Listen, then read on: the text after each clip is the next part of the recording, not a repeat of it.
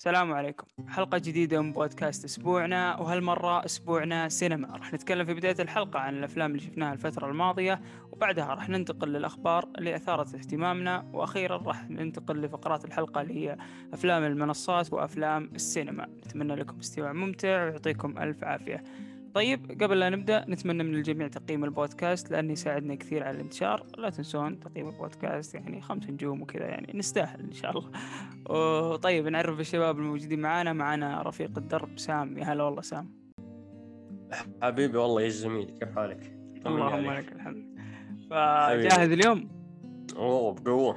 إن شاء الله راح نقدم حلقة ممتازة بإذن الله.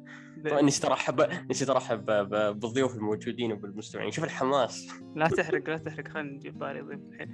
معنا الغائب اللي كذا يجي بعضو مو بعضو عرفت كيف؟ مع عبد العزيز البطي. يعني يجي مرة ويغيب مرة. يا هلا عبد العزيز كيف الحال؟ يا هلا وسهلا فيك يا أستاذ يزيد. أمسي عليك وعلى ضيوف الموجودين. بس ما أدري أحرق الضيف ولا لا. لا لا تحرق اصبر خلينا نقول.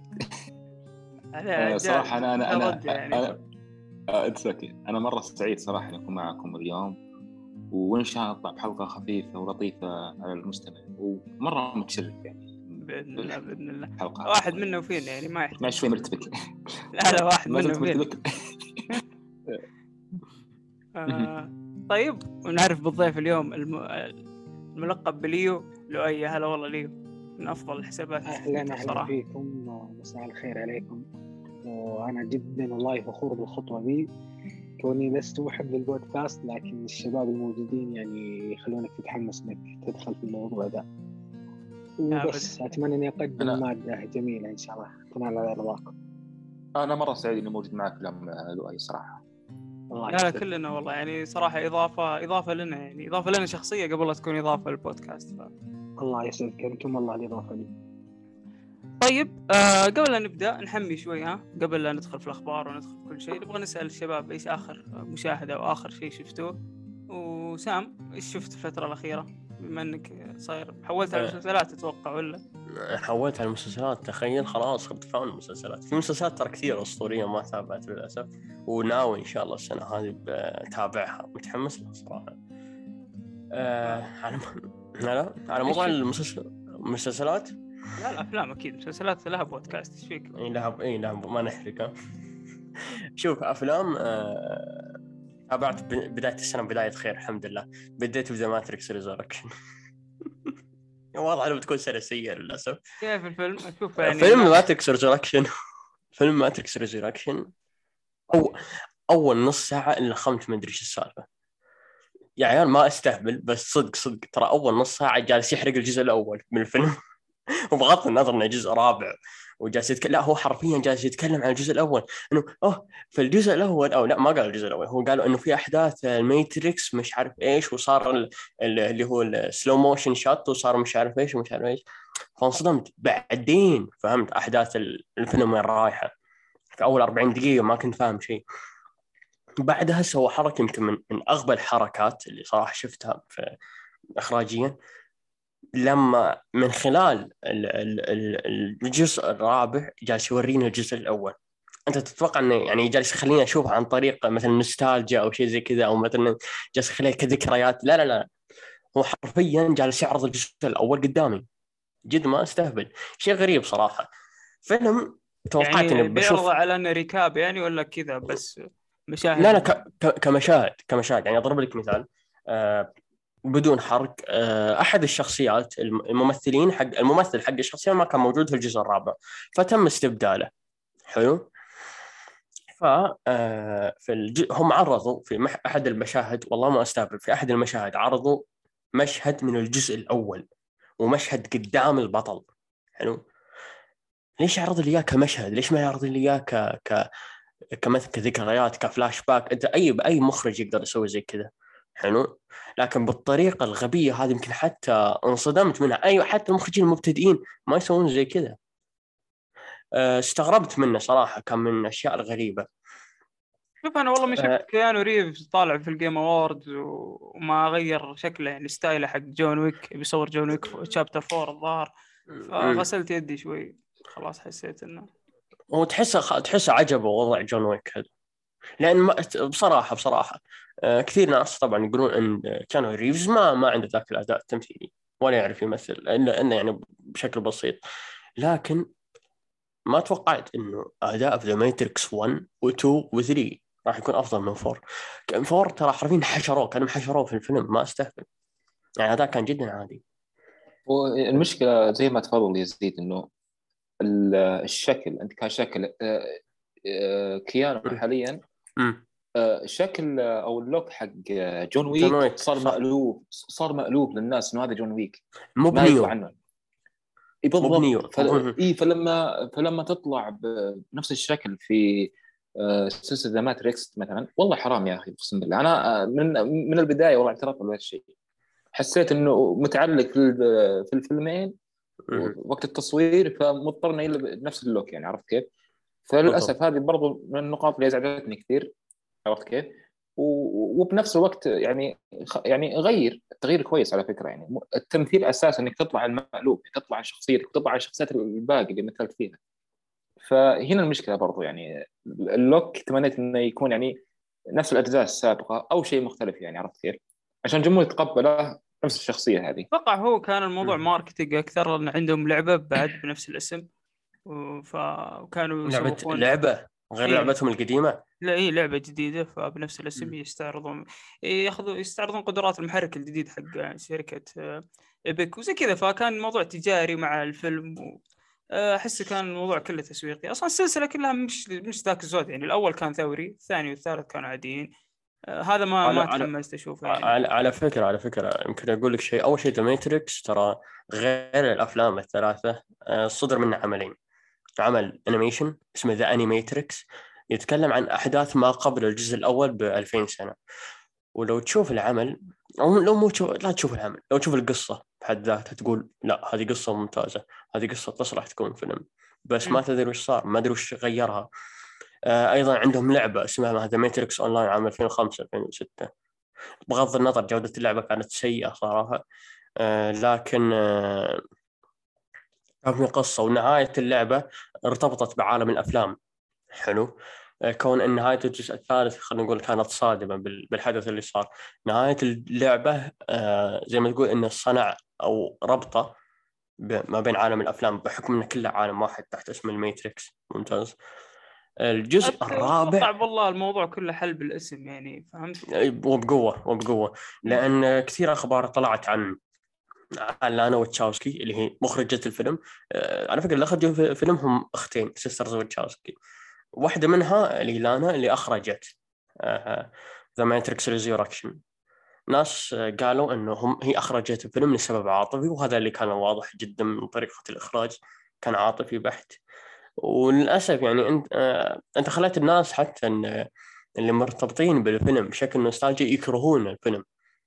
أنت خليتني أكره الفيلم الأساسي مع إن ما, ما في أحد ما, ما يحترم فيلم Matrix إذا كان إذا كان أقل شيء يكره Matrix يحترم الفيلم. يعني أو يكره الفيلم ممكن يحترم لأنه غير السينما. طيب أنت خليتني لا, لا احترام. عفوا معلش آه لا احترام ولا حب فهمتني؟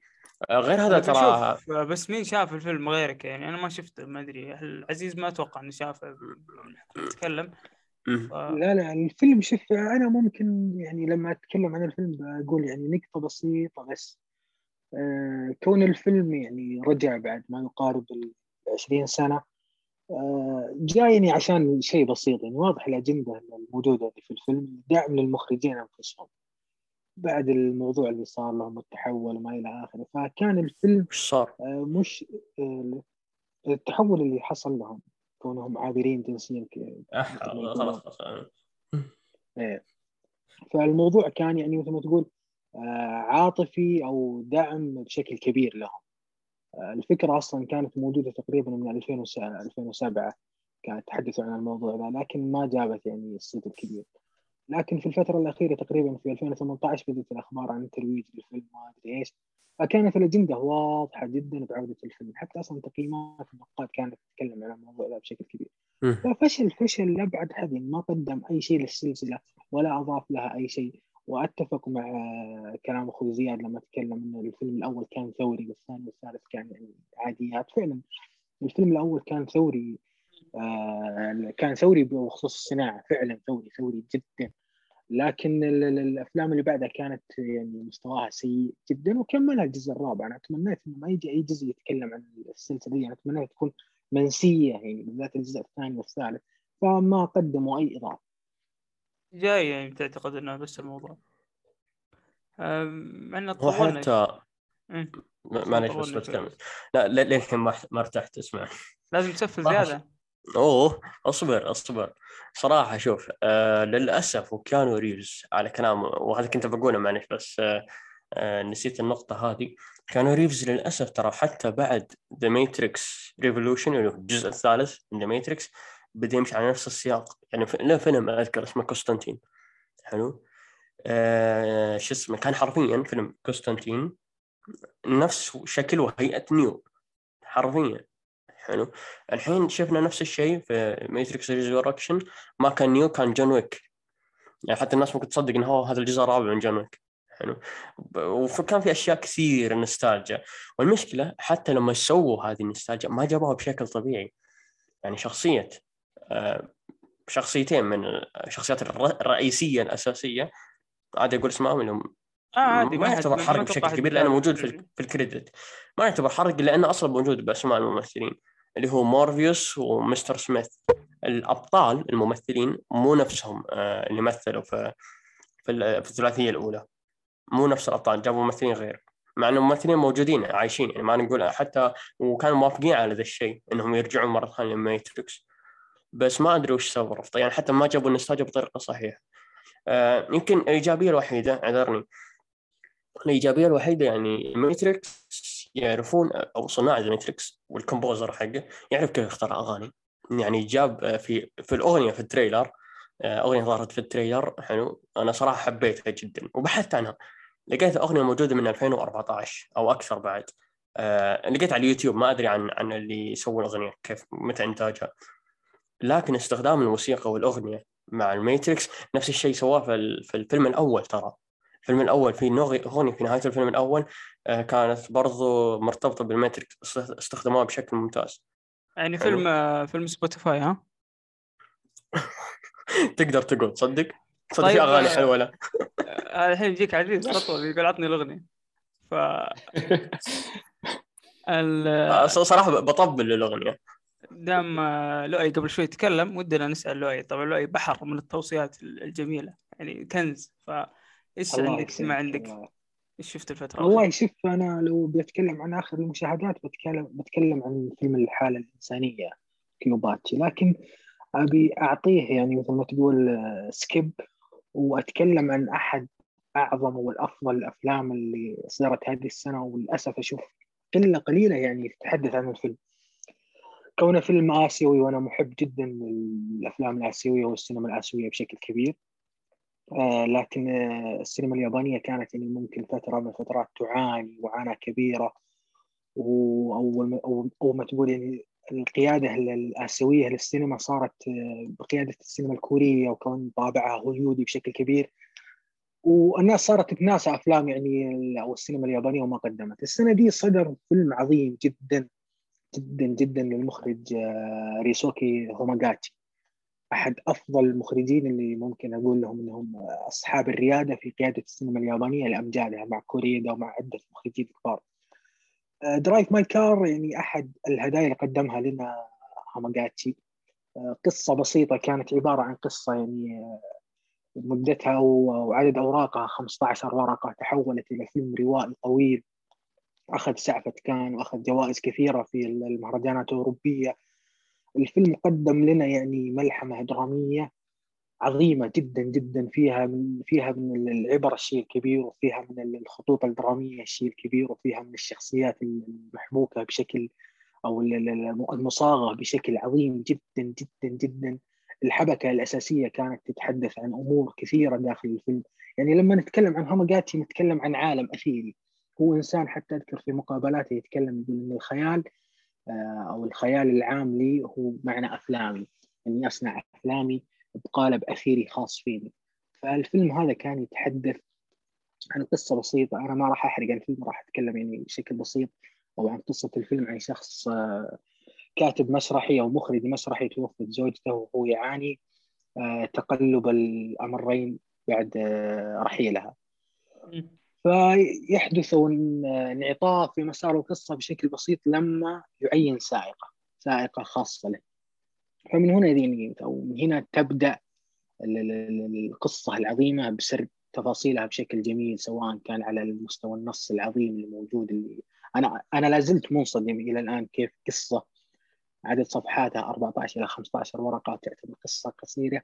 تتحول إلى فيلم روائي بس يعني بالروعة اللي موجودة بالروعة اللي أنا شاهدتها. أنا أنا بصراحة أنا شفت الفيلم أول ما صدر كان في جودة رديئة. صدر قبل فترة في جودة عالية وتابعته مرة ثانية. قاعد أكتشف تفاصيل أكثر قاعد أحب ريسوكي أكثر يعني. قاعد أقدر الشخص ذا لأنه قاعد يعيد لي أفضل سينما أنا أحبها اللي هي السينما اليابانية. قاعد يعيد المجد لنا بشكل جميل جدا جدا. أنا أستغرب إني من إن السينما اليابانية ما كان يتصدرها إلا كوريدو بوجود ريسوكي فأنا أنصح الجميع بمشاهدة آه، فيلم كثير يتكلمون عنه يا لؤي صراحة. ما أشوفه في أي قوائم ما أشوفه في أي بالضبط بالضبط. أنا تقريبا لي ثلاث شهور أحاول أتكلم واوصي بس يعني آه مثل ما تقول ما في ما في تجاوب بشكل كبير. كون الفيلم يعني الناس تشوف مدته طويلة ثلاث ساعات لكن أنا أقول لك إن هذه الثلاث ساعات هي أفضل ثلاث ساعات اللي شاهدتها هذه السنة. من انتاجات المشكلة هو هنا نعم. المشكلة يا لؤي ترى الوقت يمكن عائق كبير للمشاهد. فلو هل الوقت صح. تشوفه عائق للمشاهد ولا يعني يتهيأ المشاهد بيمر بملل وكذا؟ آه، شوف الموضوع المشاهدة أو مدة طول المشاهدة أنا ممكن كنت أعاني فيها في في بدايات مشاهدتي مشاهدتي للأفلام. لكن يعني مثل ما تقول بعد كثرة المشاهدة أو بعد كثرة التعمق في الموضوع صار الموضوع عندي بسيط. لكن كوني شخص أوصي على فيلم ثلاث ساعات وأقول لك ما راح تحس بملل أنا أقول لك مع الفيلم ده مستحيل راح تحس بملل. ليش؟ في عدة أمور تحرك فيها القصة يعني عدة شوف الحبكة الأساسية واضحة يعني في أي فيلم دائما ما أتكلم عن الحبكة ليست المحور الأساسي فيه يعني في الفيلم إنها تكون تكون لك عائق. لا الحبكة بسيطة قبل من البداية لكن المشكلة في الفيلم آه تكون على المشاهد نفسه هل هو قادر آه يجمع الخطوط اللي موجودة في الفيلم أو لا. الفيلم فيه لفة بسيطة لكن أنت قادر تتقبلها بسهولة. ممل ابدا ابدا الثلاث ساعات هذه ما راح تكون مملة. أيضا في نقطة نقطة أريد ذكرها اللي هي نقطة ريوسكي. ريوسكي هذه السنة قدم فيلمين. فيلم في بداية السنة وفيلم في منتصف السنة. يعني قدم هديتين عظيمه يعني كلا الفيلمين عندي من ضمن افضل خمس أفلام. يعني ترى نادرا ما تجد شخص يعني يحط في قائمته خمس أفلام تلقى فيها فيلمين المخرج بنفس السنة. ريوسكي قدم فيلمين عظيمة جدا جدا. اللي هو Wheel of, Wheel of Fortune صح؟ Wheel of Fortune and Fantasy أيوه أيوه صح عليك صح عليك. منها منها ما قلت شيء. سمعت عنه أيضا كلام إيجابي. صحيح.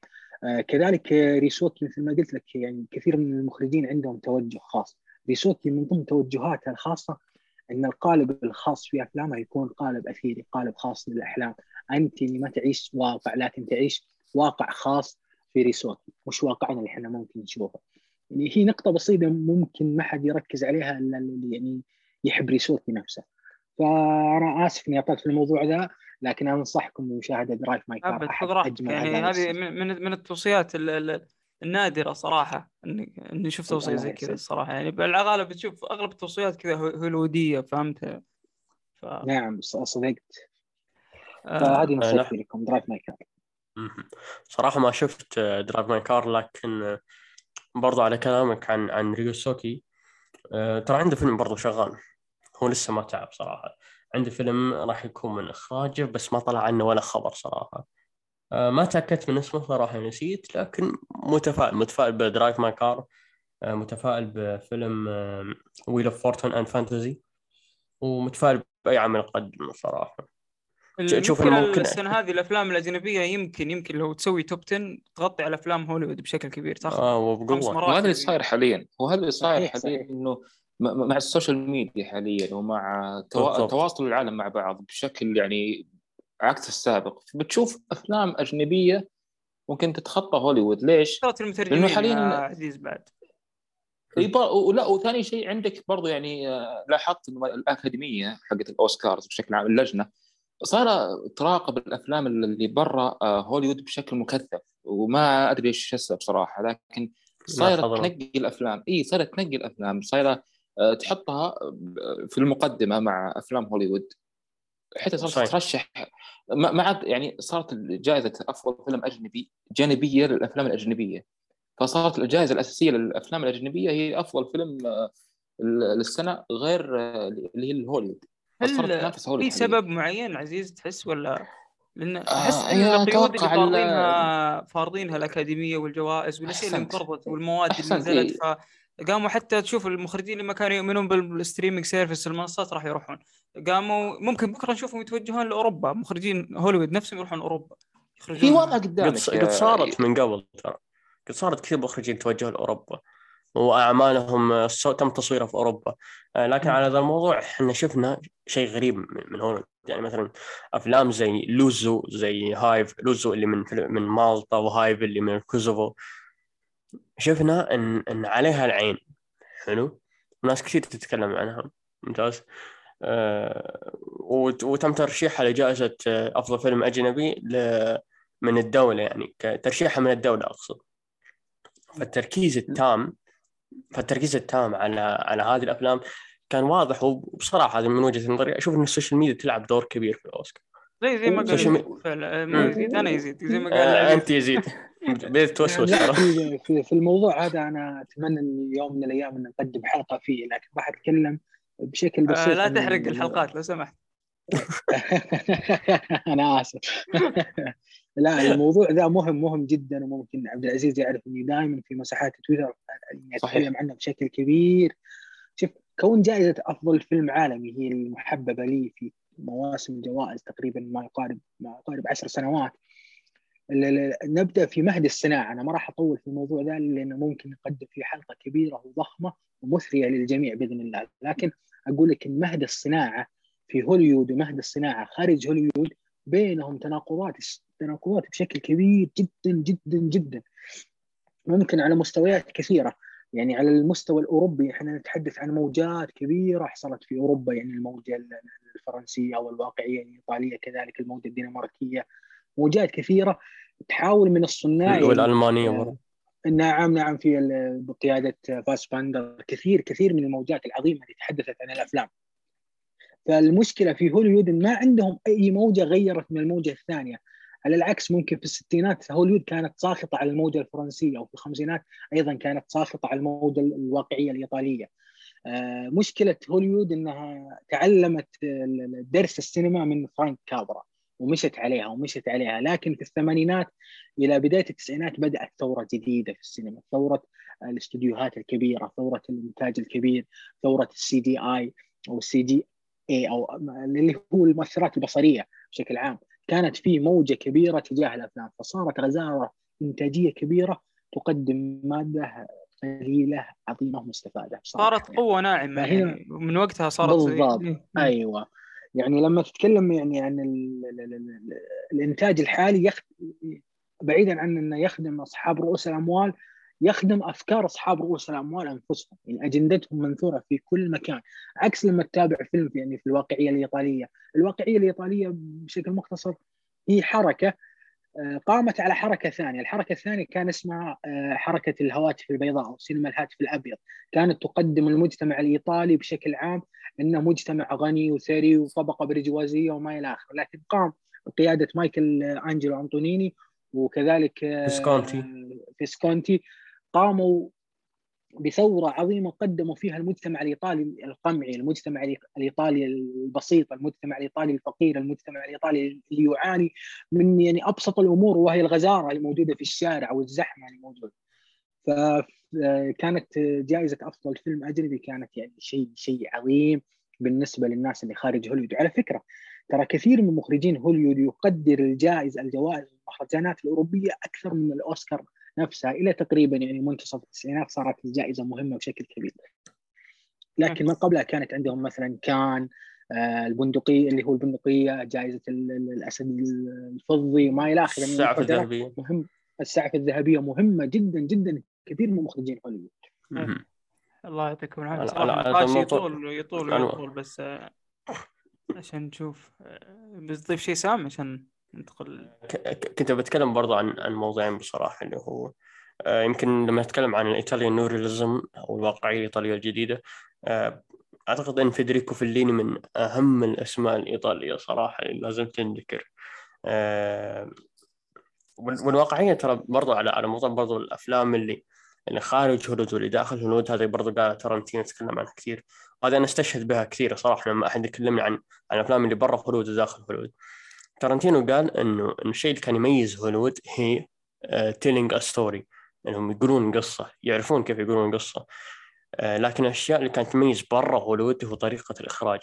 تروح تشوف إيطاليا تشوف فرنسا تشوف آه، ألمانيا تشوف آه، برضو مثل ما ذكر الأيام ولا زيد عليه اليابان برضو لازم نذكر اليابان. تشوفها إنه كان يتميز بالإخراج أكثر من قصة حتى لو كانت قصة بسيطة. حتى لو كانت أحداث بسيطة لكن كان يتميز بالإخراج. إخراج جميل جدا.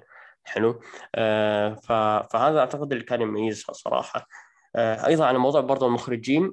المخرجين صراحة أكبر مثال يمكن آه اللي هو كوبولا. كوبولا كان يقدر المخرجين اللي في برا هوليوود بشكل كبير جدا. الشخص اللي أخرج العر العراب وغير السينما كان كثير يقدر أكيرا كوروساوا آه، وكثير مخرجين بس يمكن أبرزهم كان أكيرا كوروساوا بشكل كبير. وأنا نطول على هذا الموضوع نخش في الأفلام المهمة. يعني هذا شيء يحتاج حلقة خاصة طويلة. بالضبط وبرضه بشوف عزيز إيش شاف الفترة الأخيرة قبل ان ندخل فقرة الأفلام أو أفلام آه والله على آه، على عجل. أنا شفت CODA اللي على Apple TV. wow. آه إيه أتوقع الكل شافه وللأسف أنا أجلته كثير لكن الحمد لله هذا ال weekend قلت خليني أشوفه. يعني بحكم إنه مرشح توقع لأفضل فيلم درامي. لل Golden Globes آه، صراحة من الأفلام اللي آه، أنا أحب الأفلام الهادفة يعني أقدرها جدا وأفلام كثيرة على نفس الموال. واتوقع كمان كمان نفس الشيء. لكن خليني أتكلم عن كودا صراحة.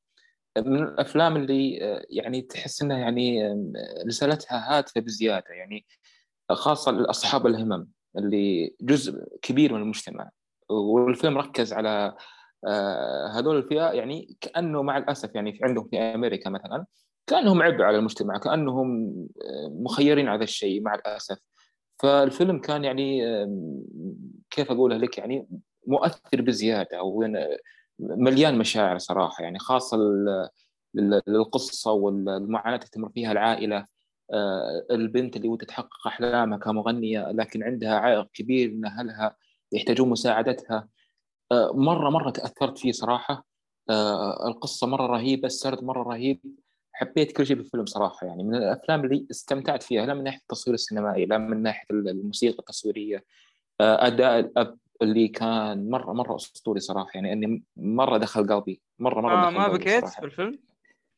تأثرت يعني تأثرت بشكل كبير هذه أنا أعلى مراحل حلقة كنت أقول للشباب كنت أقول من زمان ما تأثرت في الفيلم للأمانة جدا من زمان جدا جدا زمان. صراحة تأثرت في مشهد. الأغنية بالتحديد لما هم كانوا ما يسمعون وهذا يعني هذا هذا المشهد هو المشهد الوحيد اللي تكلمت عليه في ال Letterboxd في المراجعة إنه هذا المشهد أثر فيني بشكل فظيع يعني والله العظيم يعني مرة مرة تأثرت فيه إنه كيف يعيشون حول المجتمع اللي حولهم ولا يعني المشاعر تجاه الأشياء اللي حولهم ما هي من نفس المشاعر اللي اللي عند البشر اللي حولهم أو الناس اللي حولهم آه، شيء مرة مرة مؤثر صراحة. يعني أنا من الأفلام اللي تأثرت فيها كثير كثير والله العظيم.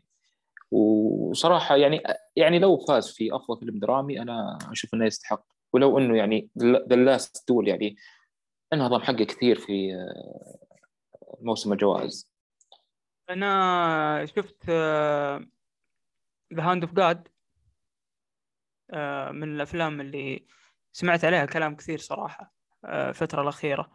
آه، يعني إيطاليا نابولي مارادونا باولو سورنتينو. يعني عناصر كثيرة يا شباب اجتمعت في فيلم واحد آه، فقلت يا أخي لازم أشوفه ولازم أعطيه فرصة وخصوصا إنه موجود على Netflix يعني. فالفيلم شفت يعني ناس ما عجبهم وناس عجبهم فكان في انقسام. لكن أنا بالنسبة لي فيلم The Hand of God كان واحد من أفضل التجارب. آه، في النهاية السينما تجربة. ممكن تجربتك تختلف عن تجربتي لكن أنا أتكلم عن نفسي. واحد من أفضل ثلاث أفلام شفتها في السنة هذه. بلا منازع. واو. بلا منازع الصراحة. by the way الاسم الفيلم The Hand of God مأخوذ من يد مارادونا لما سجل الهدف التاريخي على إنجلترا أتوقع في كأس العالم الهدف اللي بيده. فكان مأخوذ من من الهدف. هذا أي هدف كأس العالم. اي كان هو النهائي كان الحكم عربي أذكر. اي ما أنت بتسجل كورة يعني ولا ف لكن آه، وش قصته يعني كمبدئيا؟ يعني إيه لا تنسى. في ناس في ناس ما فهموا شيء فيه اسلم اسلم لا تنسى إن الفيلم نفسه هو مأخوذ عن حياة المخرج نفسه باولو. اي جد بقول مأخوذ عن الطبيعة اللي عاشها وشغفه في الأفلام وكيف بدأ شغفه وحلمه كيف كان المجتمع والطبقه اللي هو كان يعيش فيها وكيف الناس كانوا حوله وكيف كانت نابولي تعيش على خبر واحد وهو إن هل يجي مارادونا أو ما يجي مارادونا. فكان عظيم. أنا دائما ما أقول إن الفيلم خاص لباولو نفسه خاص لمحبين باولو نفسه. الفيلم كان هدية لهم كيف إن مخرجهم كيف كانت بداياته وكيف كان شغفه في الأفلام إلى أن ما وصل إلى ما وصل إليه. في Netflix سوت خلف الكواليس ترى من الفيلم وكان هو يتكلم يقول أنا يوم من الأيام وقفت في هذا المكان. في واحد من ال locationات. أنا يوم من الأيام وقفت هنا أنا يوم من الأيام كنت هنا أنا كنت فمؤثر جدا لما تشوف أصلا باولو سورنتينو يؤمن بالممثل فيليب سكوتي فيليب الممثل الايطالي وكان يؤمن فيه ويحس إنه هو نفسه قاعد يشوف ذاته فيه والممثل ما قصر يعني أعطى كل اللي عنده صراحة. فهو إيه يشوف المخرج بين حبه للكورة وحبه لمارادونا وطموحه في إنه يبغى يصير مخرج ومو عارف متشتت مع المشاكل العائلية اللي صارت. في أول ساعة بالفيلم مع عائلة جدا كبيرة وما تحصيها من كثر ما هم عائلة قريب من بعض. آخر ساعة من الفيلم الرجل وحيد ما عنده أحد الحاله فشوف قصة حياته فعلا. في مشهد المشهد النهائي له إذا تذكره كيف كان أتوقع أنه هو ملهم بالنسبة له. أتوقع أنه مر عليه يعني. ما أبغى أحرق بس أتوقع أنه مر عليه بشكل آه، هو اللي خلاه يطلع لنا مخرج مثل هذا مخرج عظيم الصراحة. فيا يعني أنا انصح يعني أعطاك مشاعر في المشهد الأخير تقريبا أو شيء زي كذا. اي المشهد الأخير كان تقريبا هو نقطة البداية للمخرج نفسه في حياته أصلا. فهذا هذا اللي أنا اتوقعه ف الفيلم جميل. في بصاخة الأوروبيين وقذارة الأوروبيين صراحة المشاهد اللي مقرفة. بس آه، ممكن تتحملونها يعني. صراحة إي بنصح بقول لك الفيلم مليان مشاهد مقرفة يعني الصراحة. ترى كل أفلام سورنتينو كذا يعني. بالذات إي بالذات في البداية والإيطاليين كذا يعني. فيا لا لو سمحت. يعني ما ما تنصح الواحد ياكل يعني. لا لا ياكل ولا مع أهله ولا مع شيء يعني. وكل الأفلام اللي أتوقع تكلمنا عليها اليوم ما تنصح بالمشاهدة العائلية يعني نخلي الذمة يعني. ف آه، على حسب علمي يعني من اللي شفناها. حتى CODA اللي هو المفروض إنه لطيف وكذا في كم حاجة. بس آه, آه، أتفق معك صحيح. إيه ف وبرضه في بذاءة كلام وكذا. فهذه الفقرة الأولى المشا... الأفلام اللي شفناها الفترة الأخيرة أتوقع كفينا وفينا. CODA Drive My Car هذا Hand of God سام نسيت وشفت بس أوكي. آه نروح فقرة الأخبار. The Matrix Resurrections اي هذا أصلا ما يحتاج نجيب طاري. فمع إنك طولت يعني المفروض إنك ما تطول يعني. فيلم حتى يا رجل يا رجل حتى مشاهدة عائليه عائلية ولا تشوف لحالك برضه ما يصلح. لو تبي تشوف شوف الأول بس. نروح لفقرة الأخبار على السريع. آه، عطنا أول خبر يلا. عندك آه، يا سام واول خبر آه، صراحة هو فيلم راح يكون من إخراج ويس أندرسون و... ومن بطولة بنديكت كامبرباتش. راح يتكلم عن قصة من عن هو طبعا الفيلم راح يكون من إنتاج Netflix معليش. آه مقتبس من قصة للمؤلف آه روالد دال. الفيلم راح يكون بعنوان The Wonderful Story of Henry Sugar بطولة بنديكت كامبرباتش راح يصورونه قريب.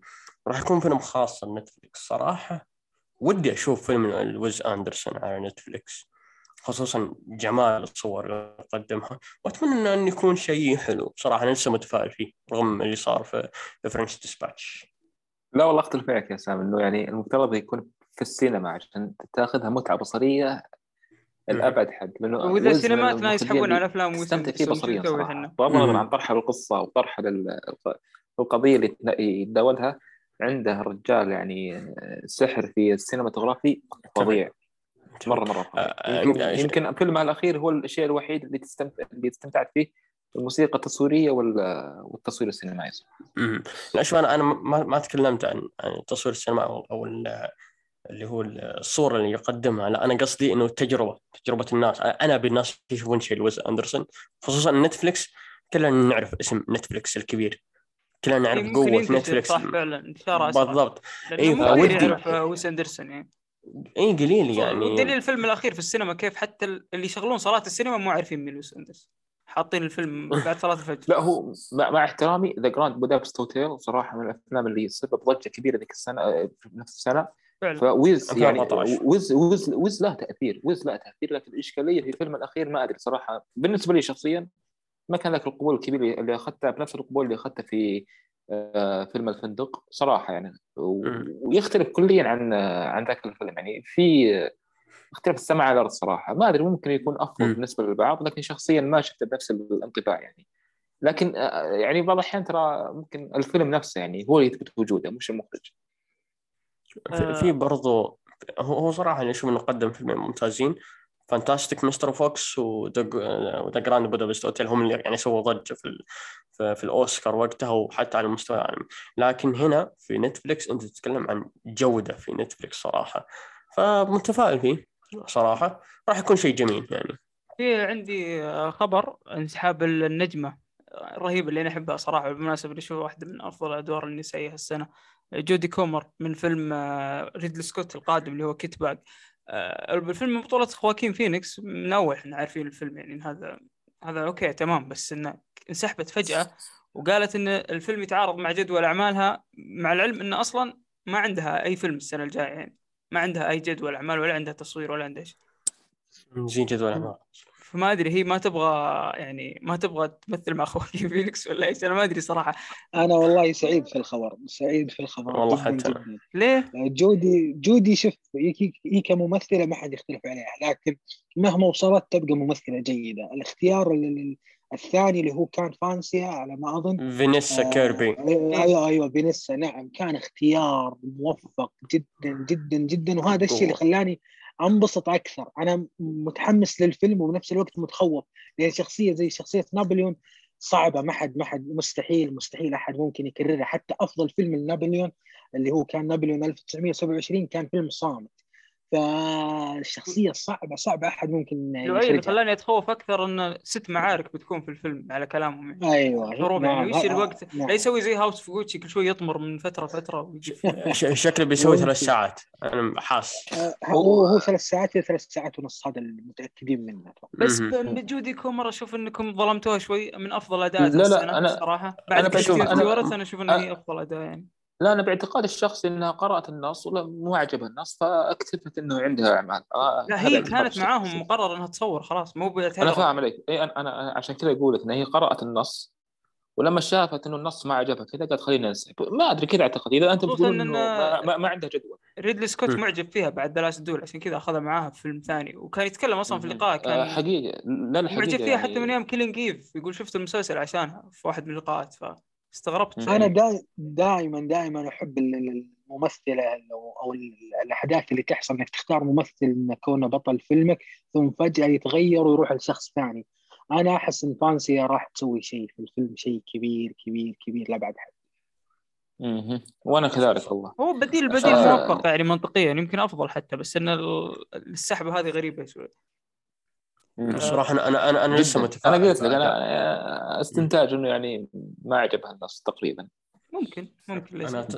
ب- بالنسبة لي يعني برضه على موضوع فينيسا كيربي آه، أنصح الناس وبقوه صراحة إنهم يشوفون فيلم فينيسا كيربي Pieces of a Woman هو فيلم من إنتاج نتفلكس فكذا راح يكون على نتفلكس آه، أشوفه من من أفضل الأفلام صراحة ومن افضل هو أفضل أداء بالنسبة لي أشوفه أفضل أداء نسائي في 2020 آه، وما حد يتفوق عليها فيلم جميل جدا دراما جميل؟ يتكلم عن جداً. ما راح ما راح أتكلم عنه صراحة خايف أحرق لكن أشوف إنه فيلم ممتاز جدا إخراجه برضه جميل. آه راح تشوفون قديش فينيسيا كيربي ممثلة جدا ممتازة. آه آه بعد بعد الفيلم. أنا صراحة متفائل فيها. ما أنكر برضه حتى لو كانت جودي كومر موجودة حلو لكن متفائل بأداء فينيسيا كيربي بصراحة. طيب آه، عطنا آخر خبر عن مارفل. فيلمهم اللي تأجل 30 آه، ألف مرة. م- موربيوس. فيلم موربيوس تأجل للأسف. كان المفروض أن ينعرض في في يناير. آه لكن للأسف را- راح ينعرض في في في أول مارس في ديسمبر. في عفوا في أول مارس وش ذي الكذبة؟ في أول مارس في واحد ثلاثة. أنا صراحة كنت متحمس له كان هو الفيلم الوحيد اللي متحمس له في يناير صراحة. أدري غريبة آه، الصراحه ما متحمس له ما أتوقع في ادمي يعني عنده عقل يعني باطل كذا يشتغل ويفكر. متحمس لهذا الفيلم اللي تأجل سبع مرات إيه. واللي حاطينه في بدايه السنة يعني أي فيلم مارفل حبيب بدايه السنة معناها خلاص ترى. يعني حبيبي شوف شوف شوف حكموا عليه بالأعدام. أنت أنت لا تتوقع إني بشوف ملحمة موربيوس في السينما؟ لا أنا رجال ودي أروح السينما أستمتع. ما شفت أي شيء بروح أشوف Scream. بس ما في, ما في بنفس الفترة أتوقع في The Batman يعني هم حكموا على فيلمهم بالفشل خلاص. The Batman في ثلاثة في مارس والله اتفق معك يا زيد. انتهى فيلمهم إذا تحطه عند باتمان ما حد بيجيك أصلا. واضح أصلا. بصراحه كنت بشوف أداء جارد ليتو في السينما. وين صح على طاري The Batman نسوي حرق حلقة حرق زي سبايدر مان أحس يبغى لها والله يبغى له خمس ساعات. ما أتوقع الفيلم بيكون مخيب للامال يعني من الآن أحط لي مكان معك يا يزيد. خلاص تم يعني أنا بكون وشيل واحد سام جيب واحد عبد العزيز. يعني أنا بكون من أول حاضرين للفيلم ذا حتى لو كان يا أخي آخر الصالة حق السينما ما عندي مشكلة بشوف الفيلم. آه فأنا أتكلم مع محمود. محمود للأسف ما قدر يجي اليوم آه بس بإذن الله بنحاول ندخله كذا تسجيل عبر الاقمار الصناعيه عرفتوا الحركة هذه؟ فيلم The King's Man ما حد شافه فينا فهو اللي كذا فقرة يقول السلام عليكم ويبدأ يعرف الفيلم. ويعطينا رأي على الفيلم فضروري نسمع رأي أصلا ف آه بس آه شفت رأي على طاري محمود أنا بشوف أنا ومحمود إن شاء الله The Batman يعني سوا بإذن أنا أنا شفت راي عن King's Man لما كان يغرد وقت صارت صارت السينما كان حضر الفيلم هو. يقول الفيلم حلو يغرد هو جوا القاعة تخيل. غريب غريب ترى مو بعوايد أنا مستغرب انه مو بعوايد. واضح إن الفيلم حلو يعني. أو إنه مجامل يعني.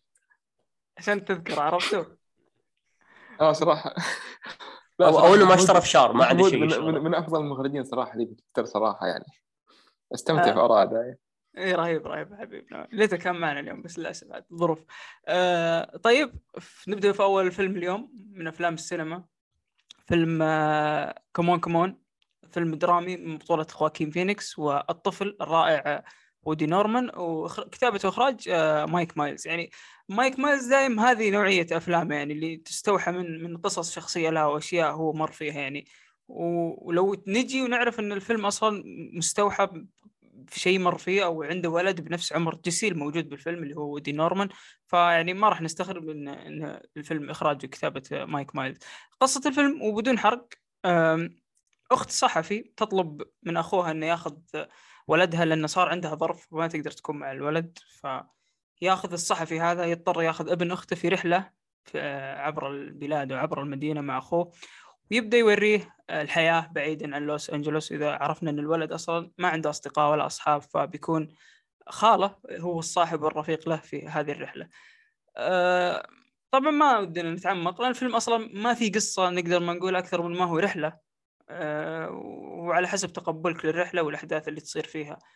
أه بس نبدأ بعزيز بما إن الفيلم اللي اعرف إن الفيلم عجبك مرة فودي أخذ رأيك بشكل عام عن الفيلم. هو بصراحة من الأفلام اللي برضو أفلام هادفة يعني يعطيك علاقة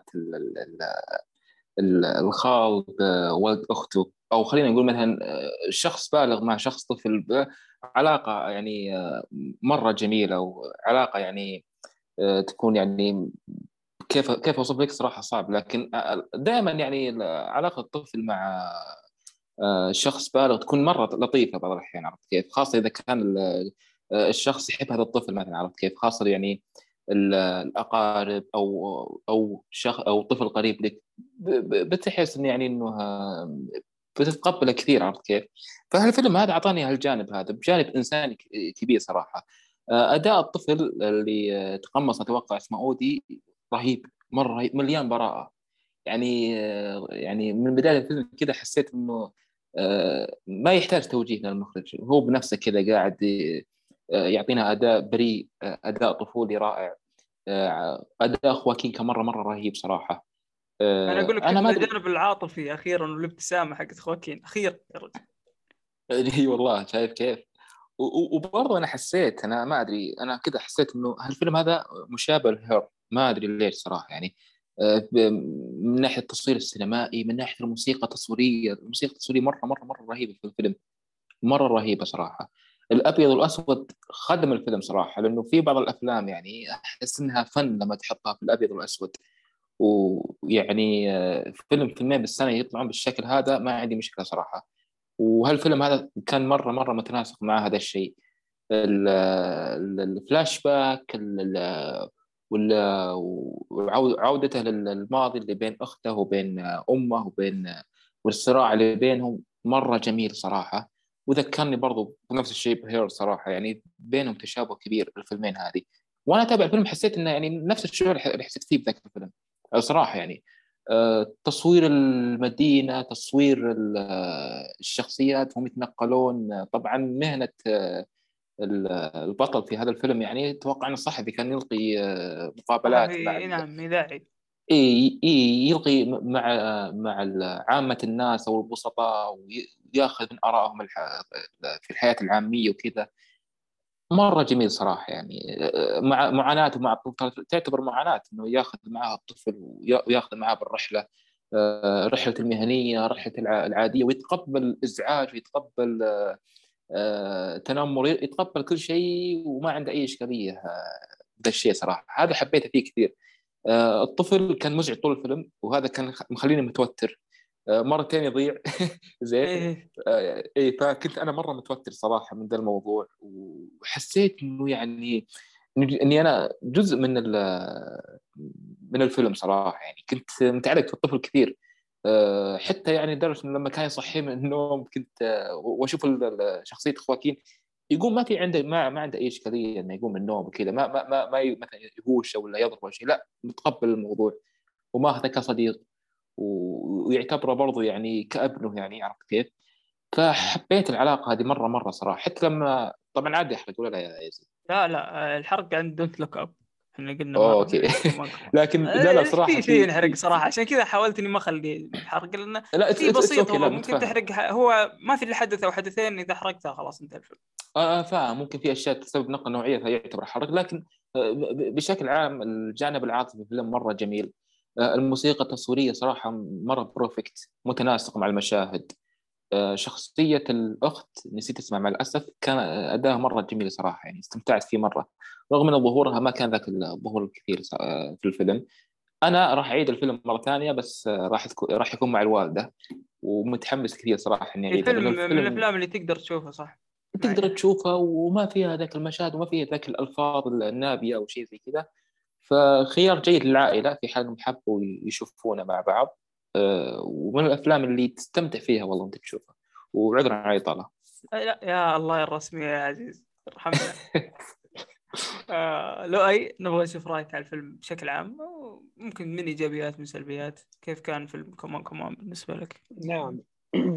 هو أحد أفضل أفلام السنة اللي شفتها ممكن لو أحط آه، أفضل الادوار اللي قدمها واكين فينيكس ويكون يعني بالنسبة لي top 3 كون الأداء اللي قدمه واكين كان أداء جميل جدا جدا.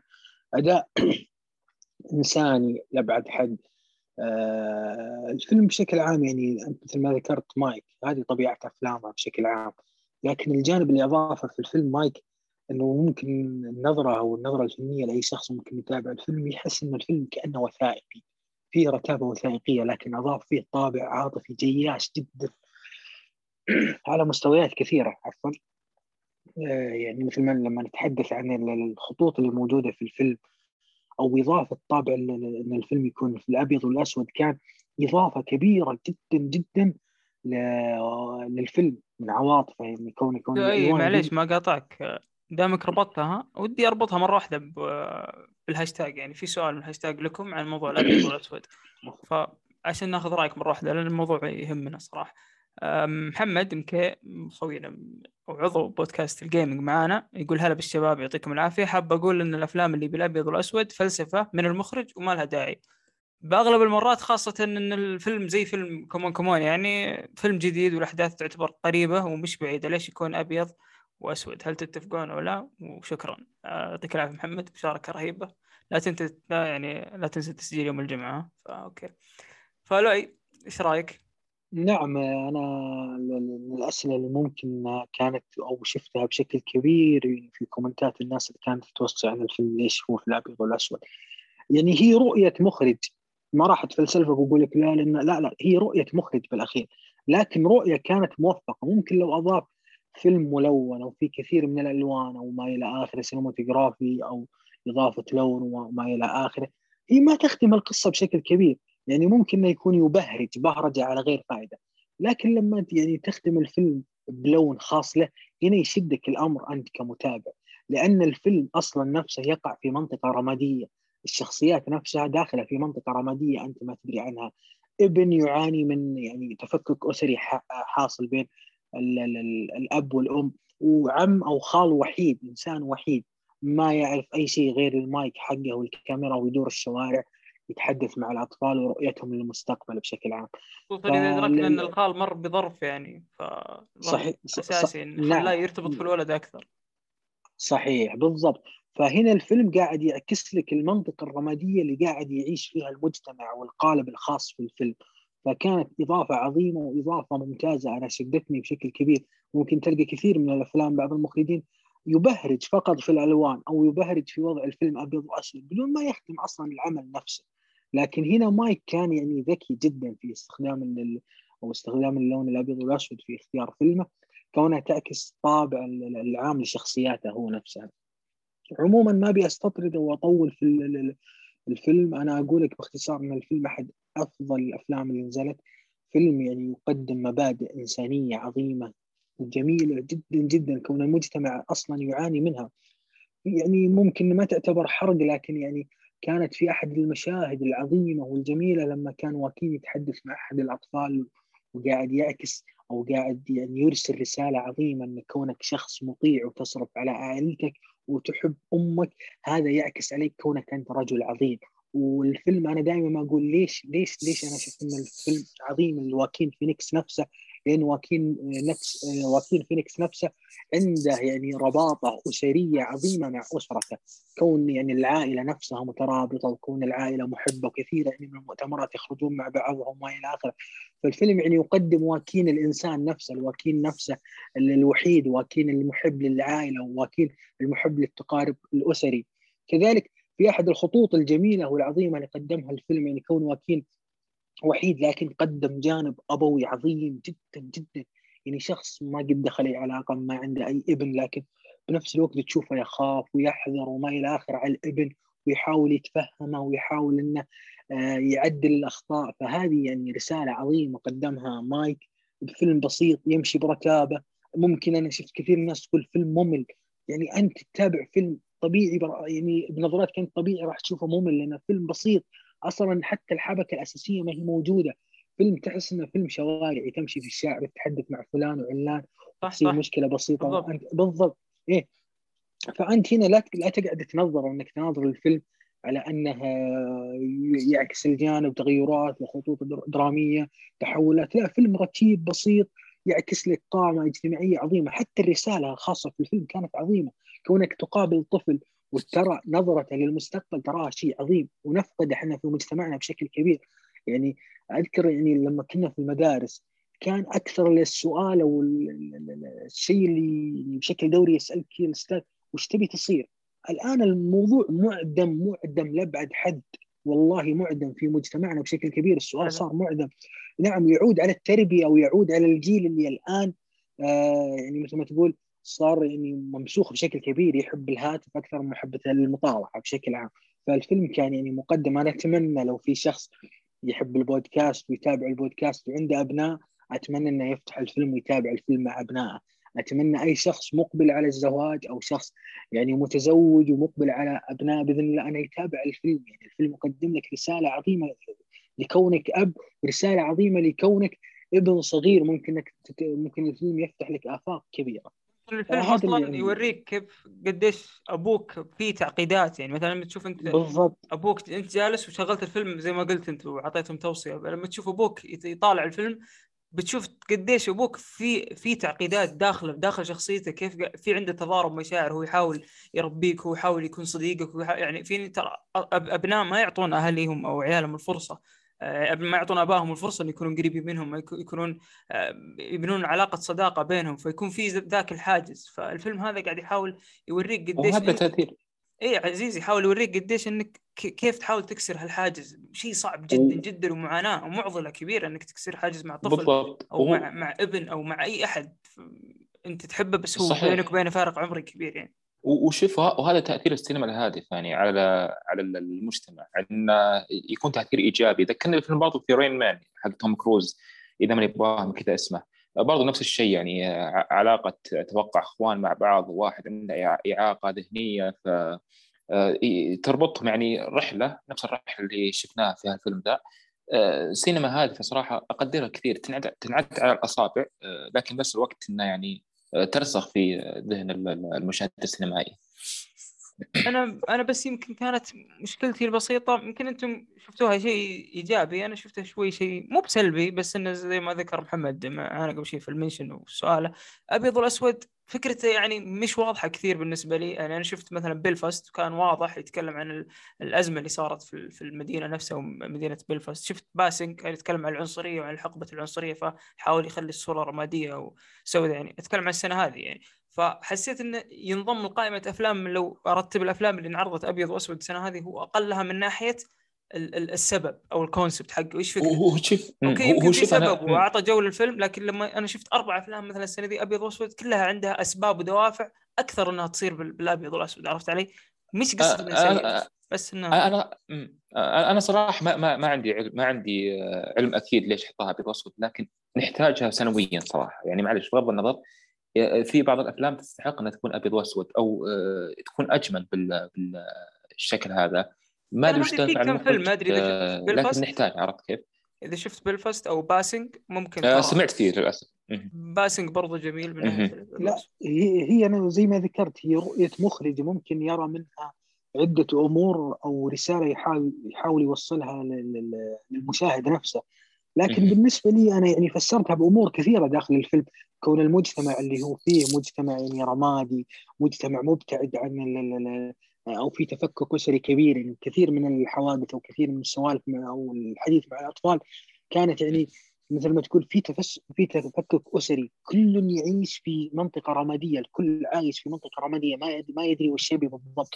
هل هو يمين هل هو يسار؟ يعني ما في أحد في المنطقة نهائيا. فأنا أشوف إن الرؤية العامة المايك باستخدام الفيلم كأبيض وأسود يعني شد المشاهد وربطه في المجتمع الخاص أو في القالب الخاص اللي داخل في الفيلم.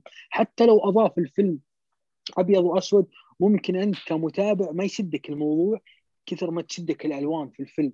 فكثرة استخدام الألوان في الفيلم أراها تهريجية باستثناء إذا كان جداً. المخرج إذا إيه نعم باستثناء إذا كان المخرج ويس أندرسون. ويس أندرسون أستاذ أستاذ في الألوان أستاذ في اختيار الزوايا أستاذ... نعم. أتفق 100% صراحة.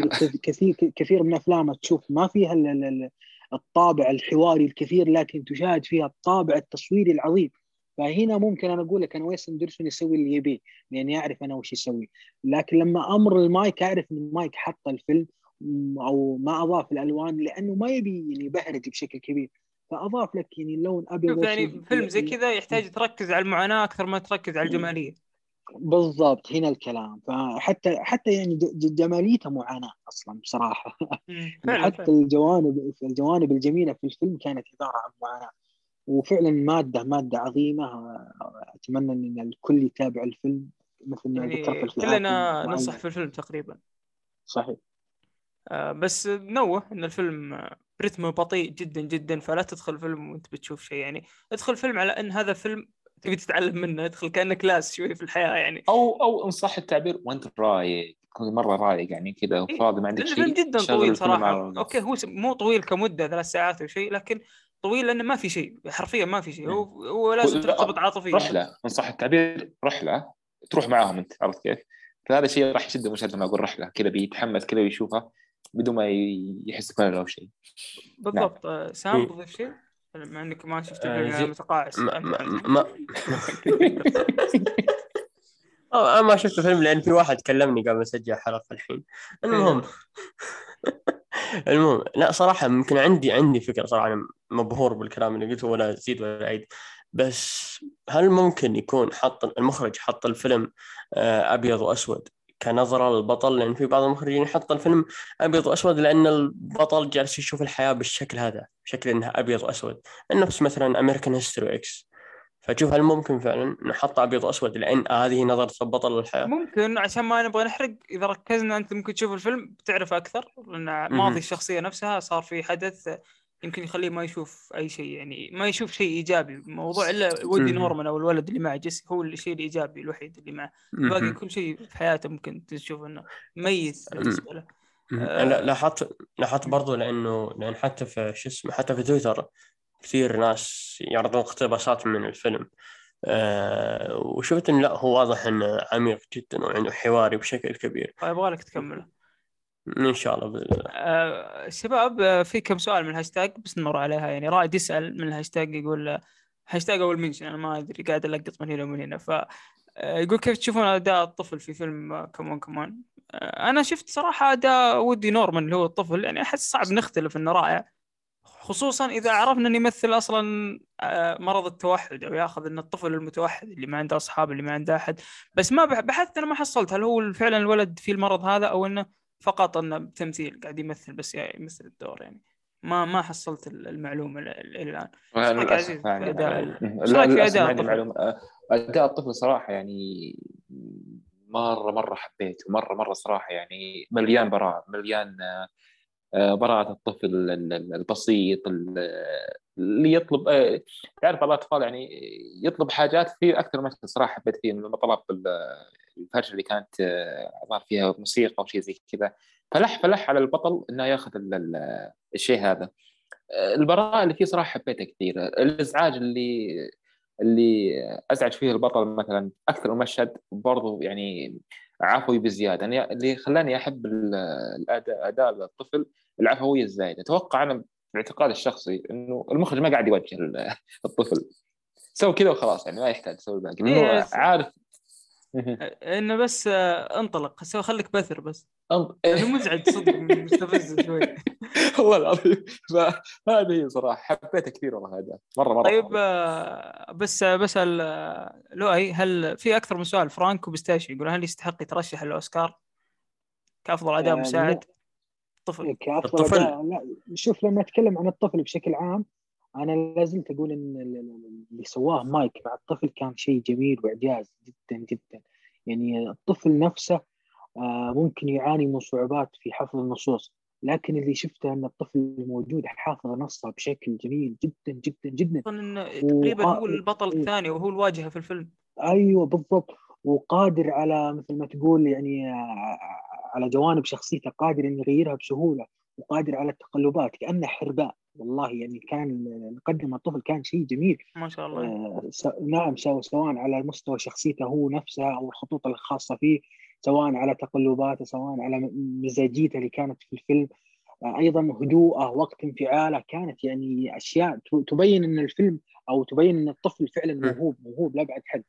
آه موضوع ترشح الجائزة كون يعني كثير من الممثلين السنة دي يعني وكثير من الاداءات ما كان ما كانت يعني تصل للحد الكبير يعني أنا أشوف إن هذه تقريبا بعد سنة 20 وسنة 21 أقل السنوات السينمائية اللي كان فيها ضرب آه، كثير على الأداء التمثيلي بالنسبة للرجال. أنا أشوف إن الضرب الأكبر كان بين النساء.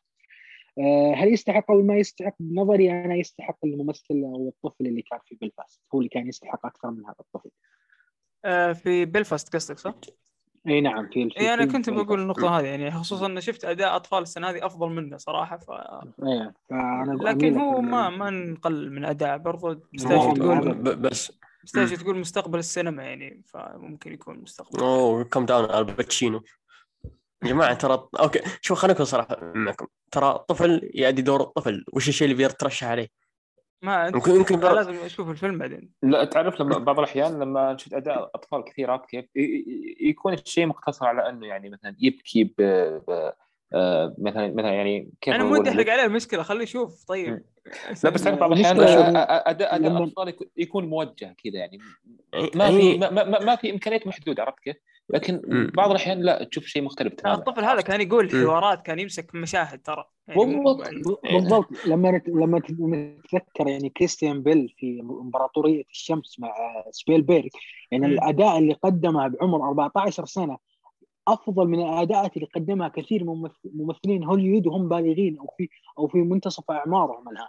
فأنا أشوف إن الموضوع آه، الطفل كونه ما ياخذ جائزة وما يترشح ابدا يعني هذا شيء يعني فيه مغالطة لكن في جائزة سنوية آه، تعطى للطفل سواء كانت من ال Golden Globe أو المجلات الكبيرة زي The Wire والتايمز والبي بي سي تعطى سنويا.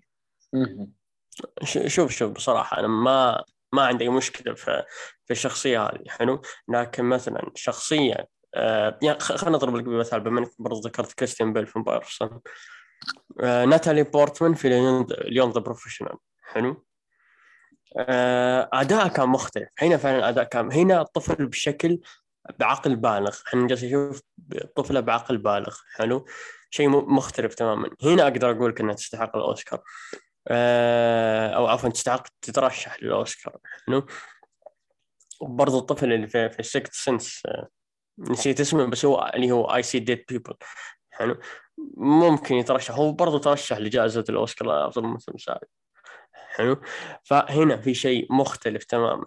لكن مثلا في شو اسمه في الأفلام الحالية خلينا نقول ما في أطفال بتاخذ شيء أكبر من كونها أطفال.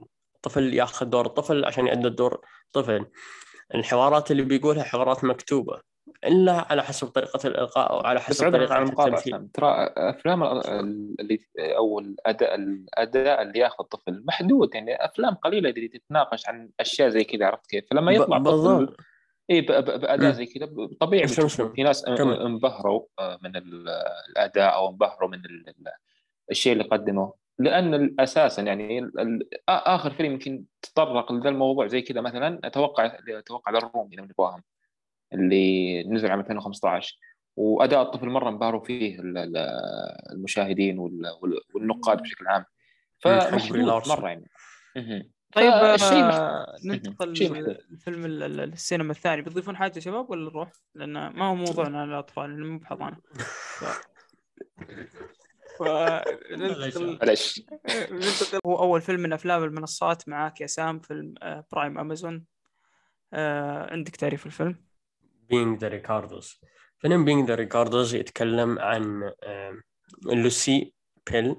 آه، هو يتكلم ببساطة عن لوسيل بول وزوجها. آه يتكلم عن طبعا لوسيل بول اللي هي ممثل اللي مثلت مسلسل I Love Lucy واللي يعتبر هو أول مسلسل إذا ما خاب ظني ممكن احد صح هو أول مسلسل سيت كوم هو أول مسلسل situation comedy ينعرض بنفس طريقة Friends و Seinfeld وغيرها. من من المسلسلات اللي أثرت في, في, في أمريكا يعني ولا زال مؤثر ترى على فكرة.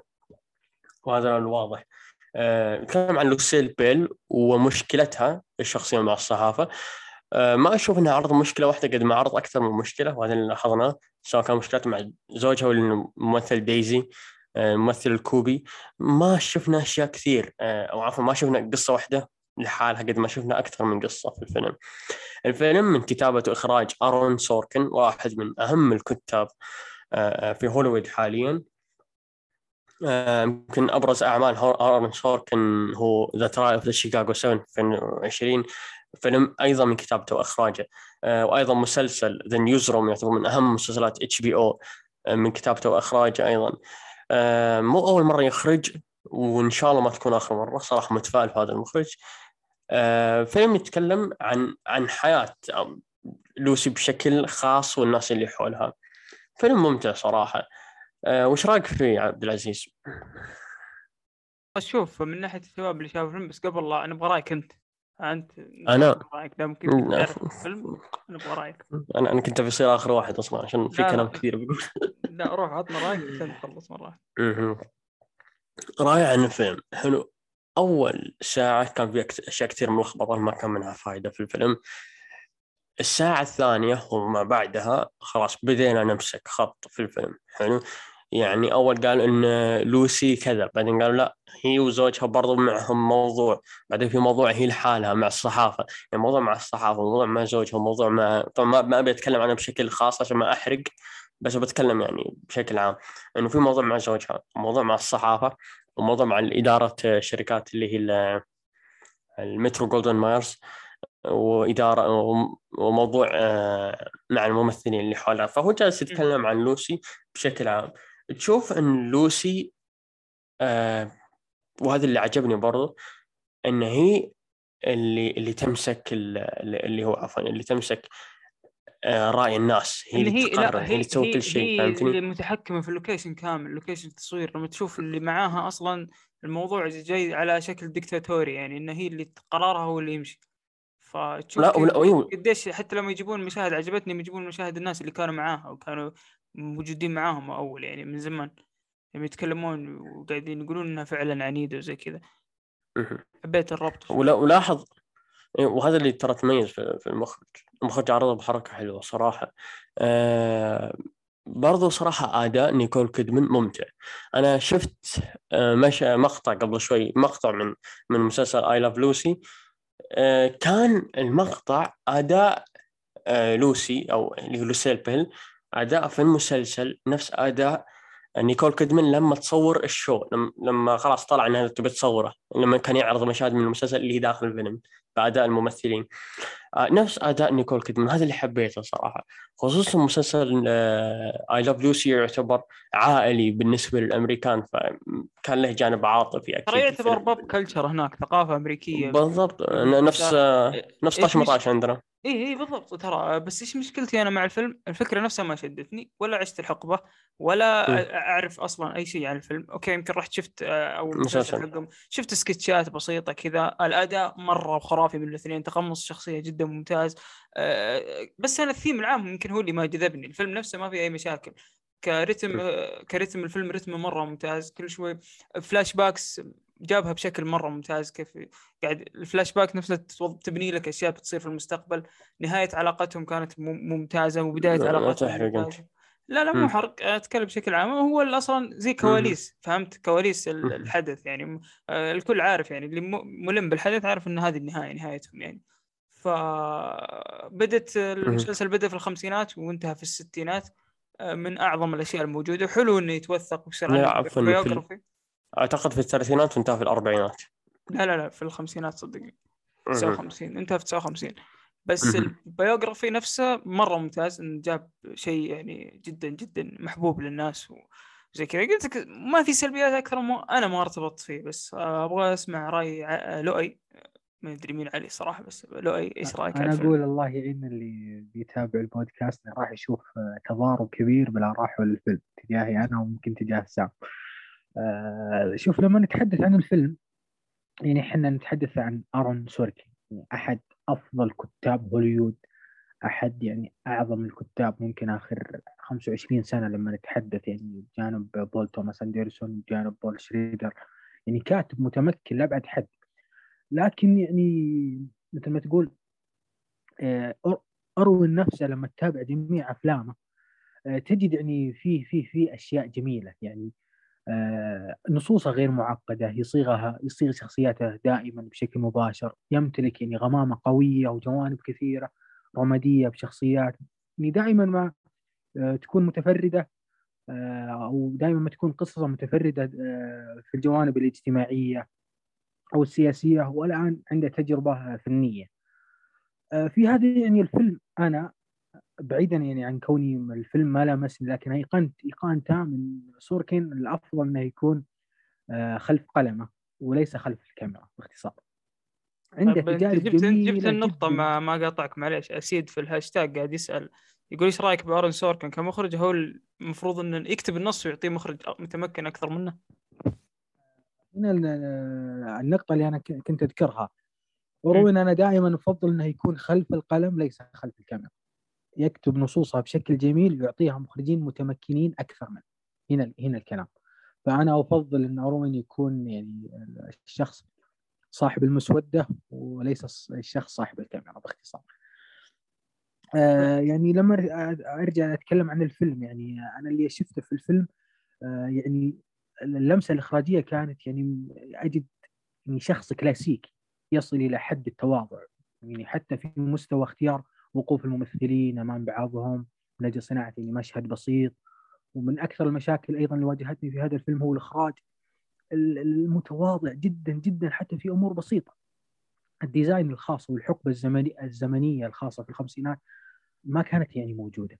والله يعني حتى فعلا يعني فعلا في مشهد وركزت فيه بشكل كبير كأنه اليوم الأثاث وهذا كان اليوم كان الحين يعني. بالضبط. يا رجل حتى اللي هي طفاية السجائر ما كانت تواكب العصر نفسه. يعني لما أحب المخرج اللي يكون مهتم حتى في التفاصيل الصغيرة ممكن أحد يجيني يقول ليش تركز على الامر ذا لا أنا أكون مهتم ومركز إذا كان المخرج أرون. غير أرون ما, ما, ما راح أكون مهتم بشكل كبير. أيضا آه الهوية الهوية الأمريكية يعني في الفيلم كانت مفقودة جدا جدا جدا. أنا ما شفت أي هوية من الخمسينات أصلا. والهوية عامل مهم في أي فيلم. دائما ما كنت أقول السينما السعودية في الصناعة راح تعاني بشكل كبير. كون ما في مخرج هنا إلى الآن قاعد يعكس لنا الهوية السعودية داخل الفيلم.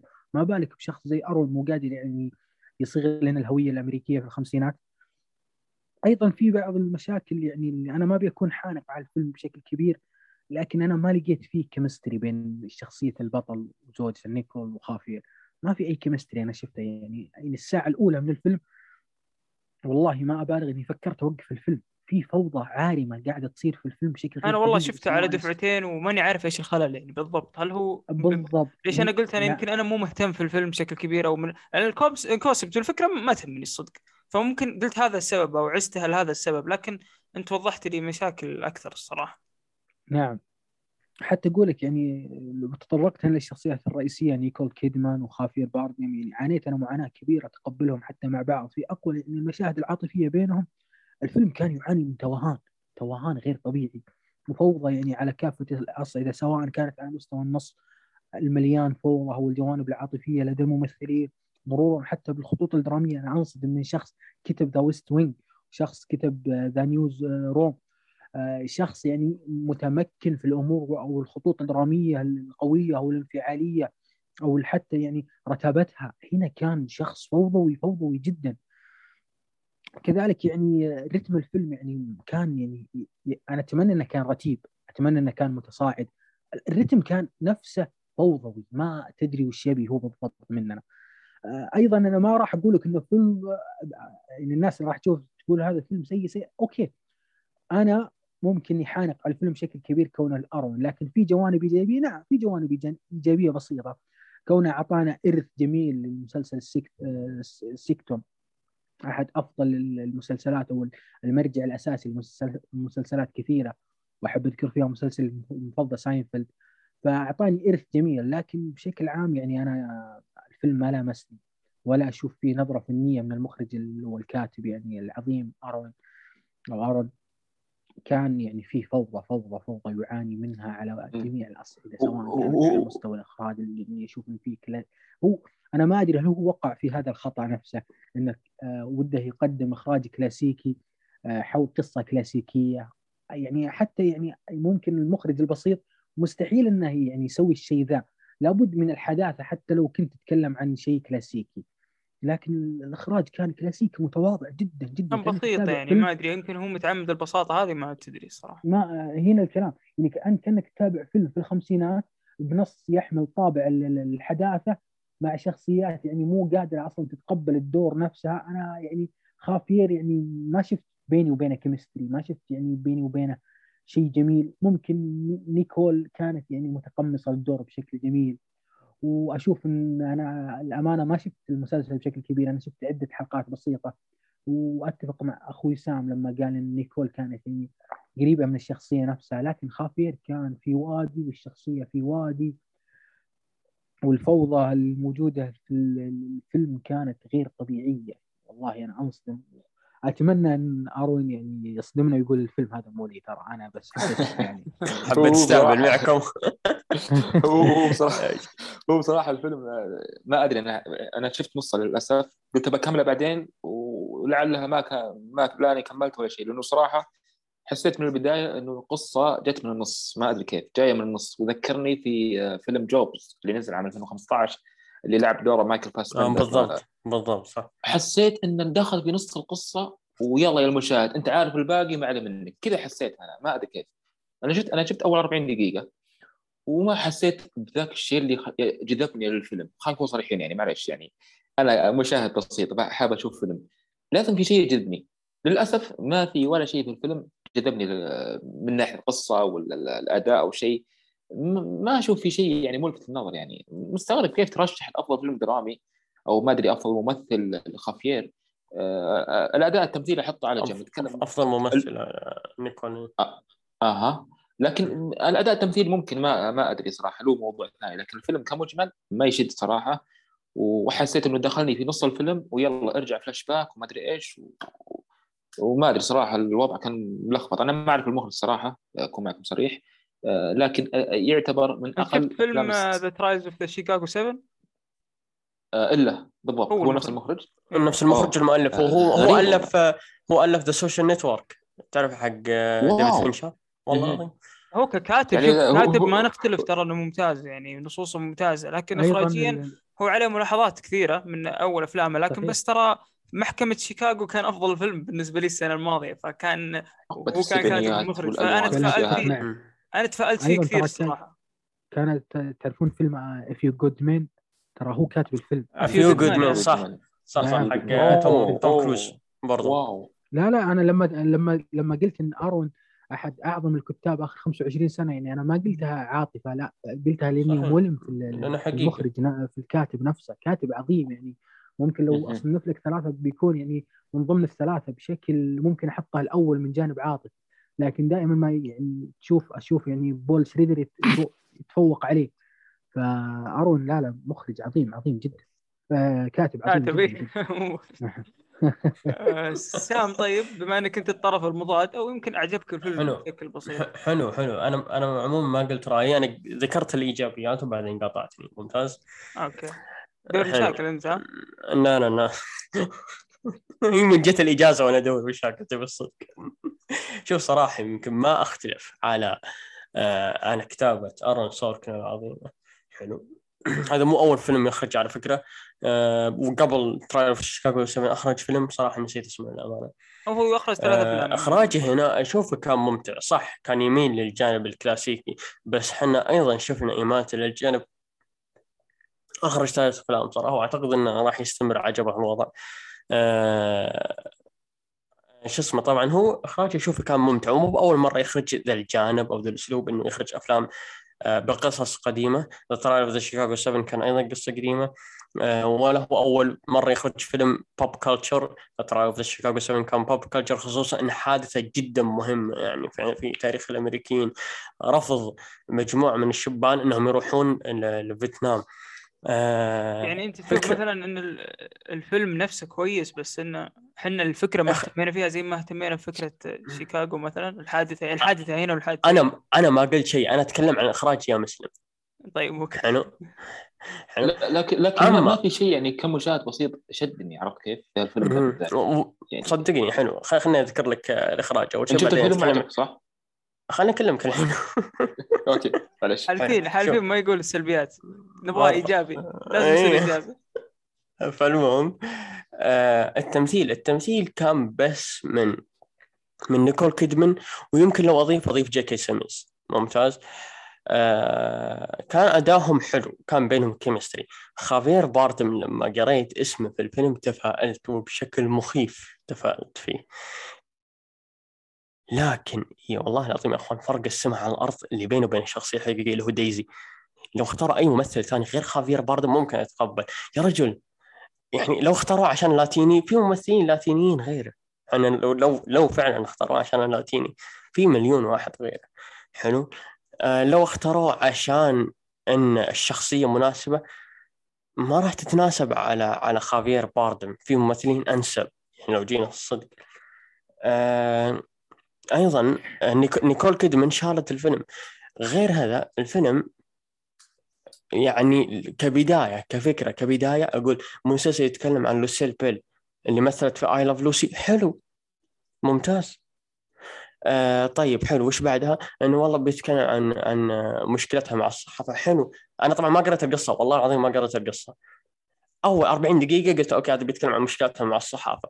بعدين تكلم عن مشكلتها مع زوجها. بعدين عن مع الإنتاج. بعدين أنت وش تبي تتكلم عنه؟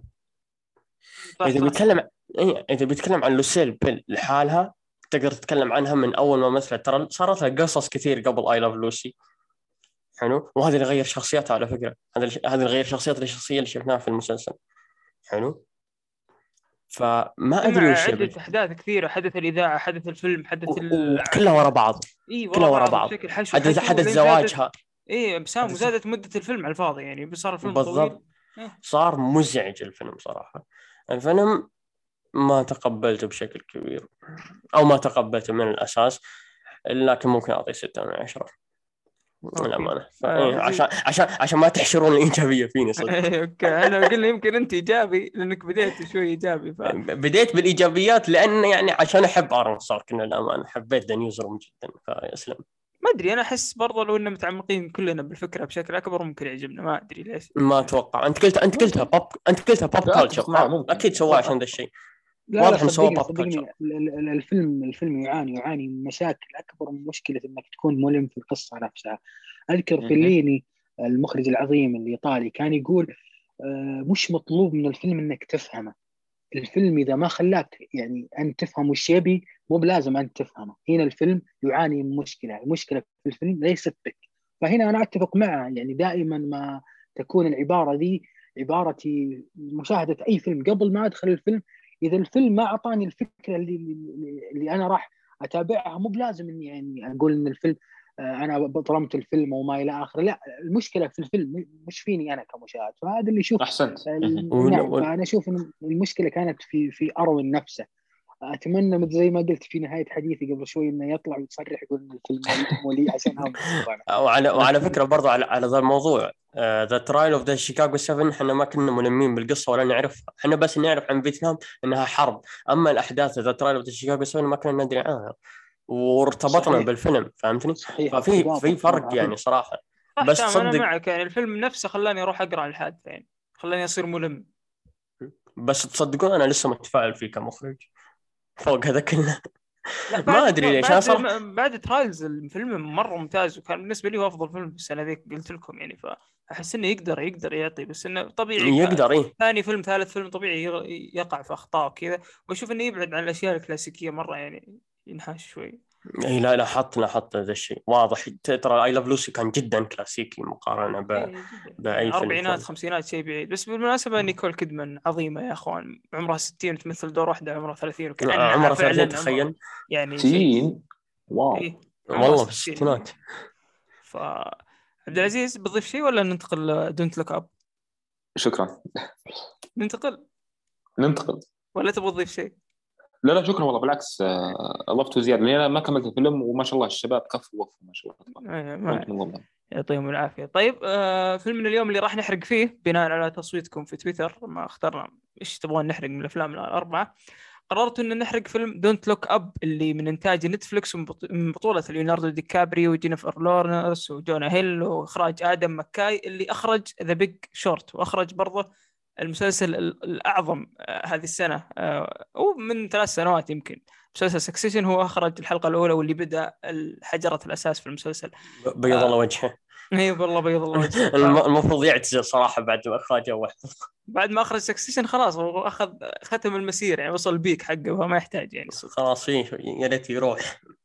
أيوه زي أمس واحد من الشباب كان يقول لي يقول لي آدم مكاي بعد ما أخرج Succession صار يقارع الدون كريستيانو في المستوى. ف...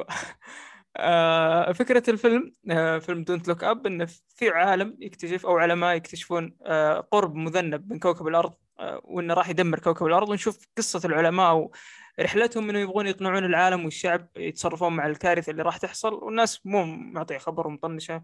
بحكم إنه في جيل ال social media وجيل التفاهات عموما فالناس تركز على التفاهات وتاركة الشيء الأهم والمعضلة الأساسية هذه.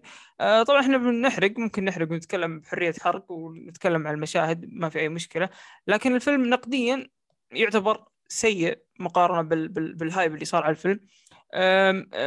لكن جماهيريا سجل حضور جيد يعني جماهيريا يعني وأتكلم عن تقييم المشاهدين والناس اللي تحب الأفلام آه، رفعت من الفيلم بشكل كبير. آه ما أدري صراحة في تضارب كبير في الآراء حتى بين المشاهدين. آه وحنا بناخذ الحين رأي الشباب يبدو ان عندنا وجهتين نظر وجهة نظر حبة الفيلم وجهة نظر ما ما حبت الفيلم يعني. فبنشوف سام إيش رأيك بالفيلم بشكل عام من إيجابيات وسلبيات؟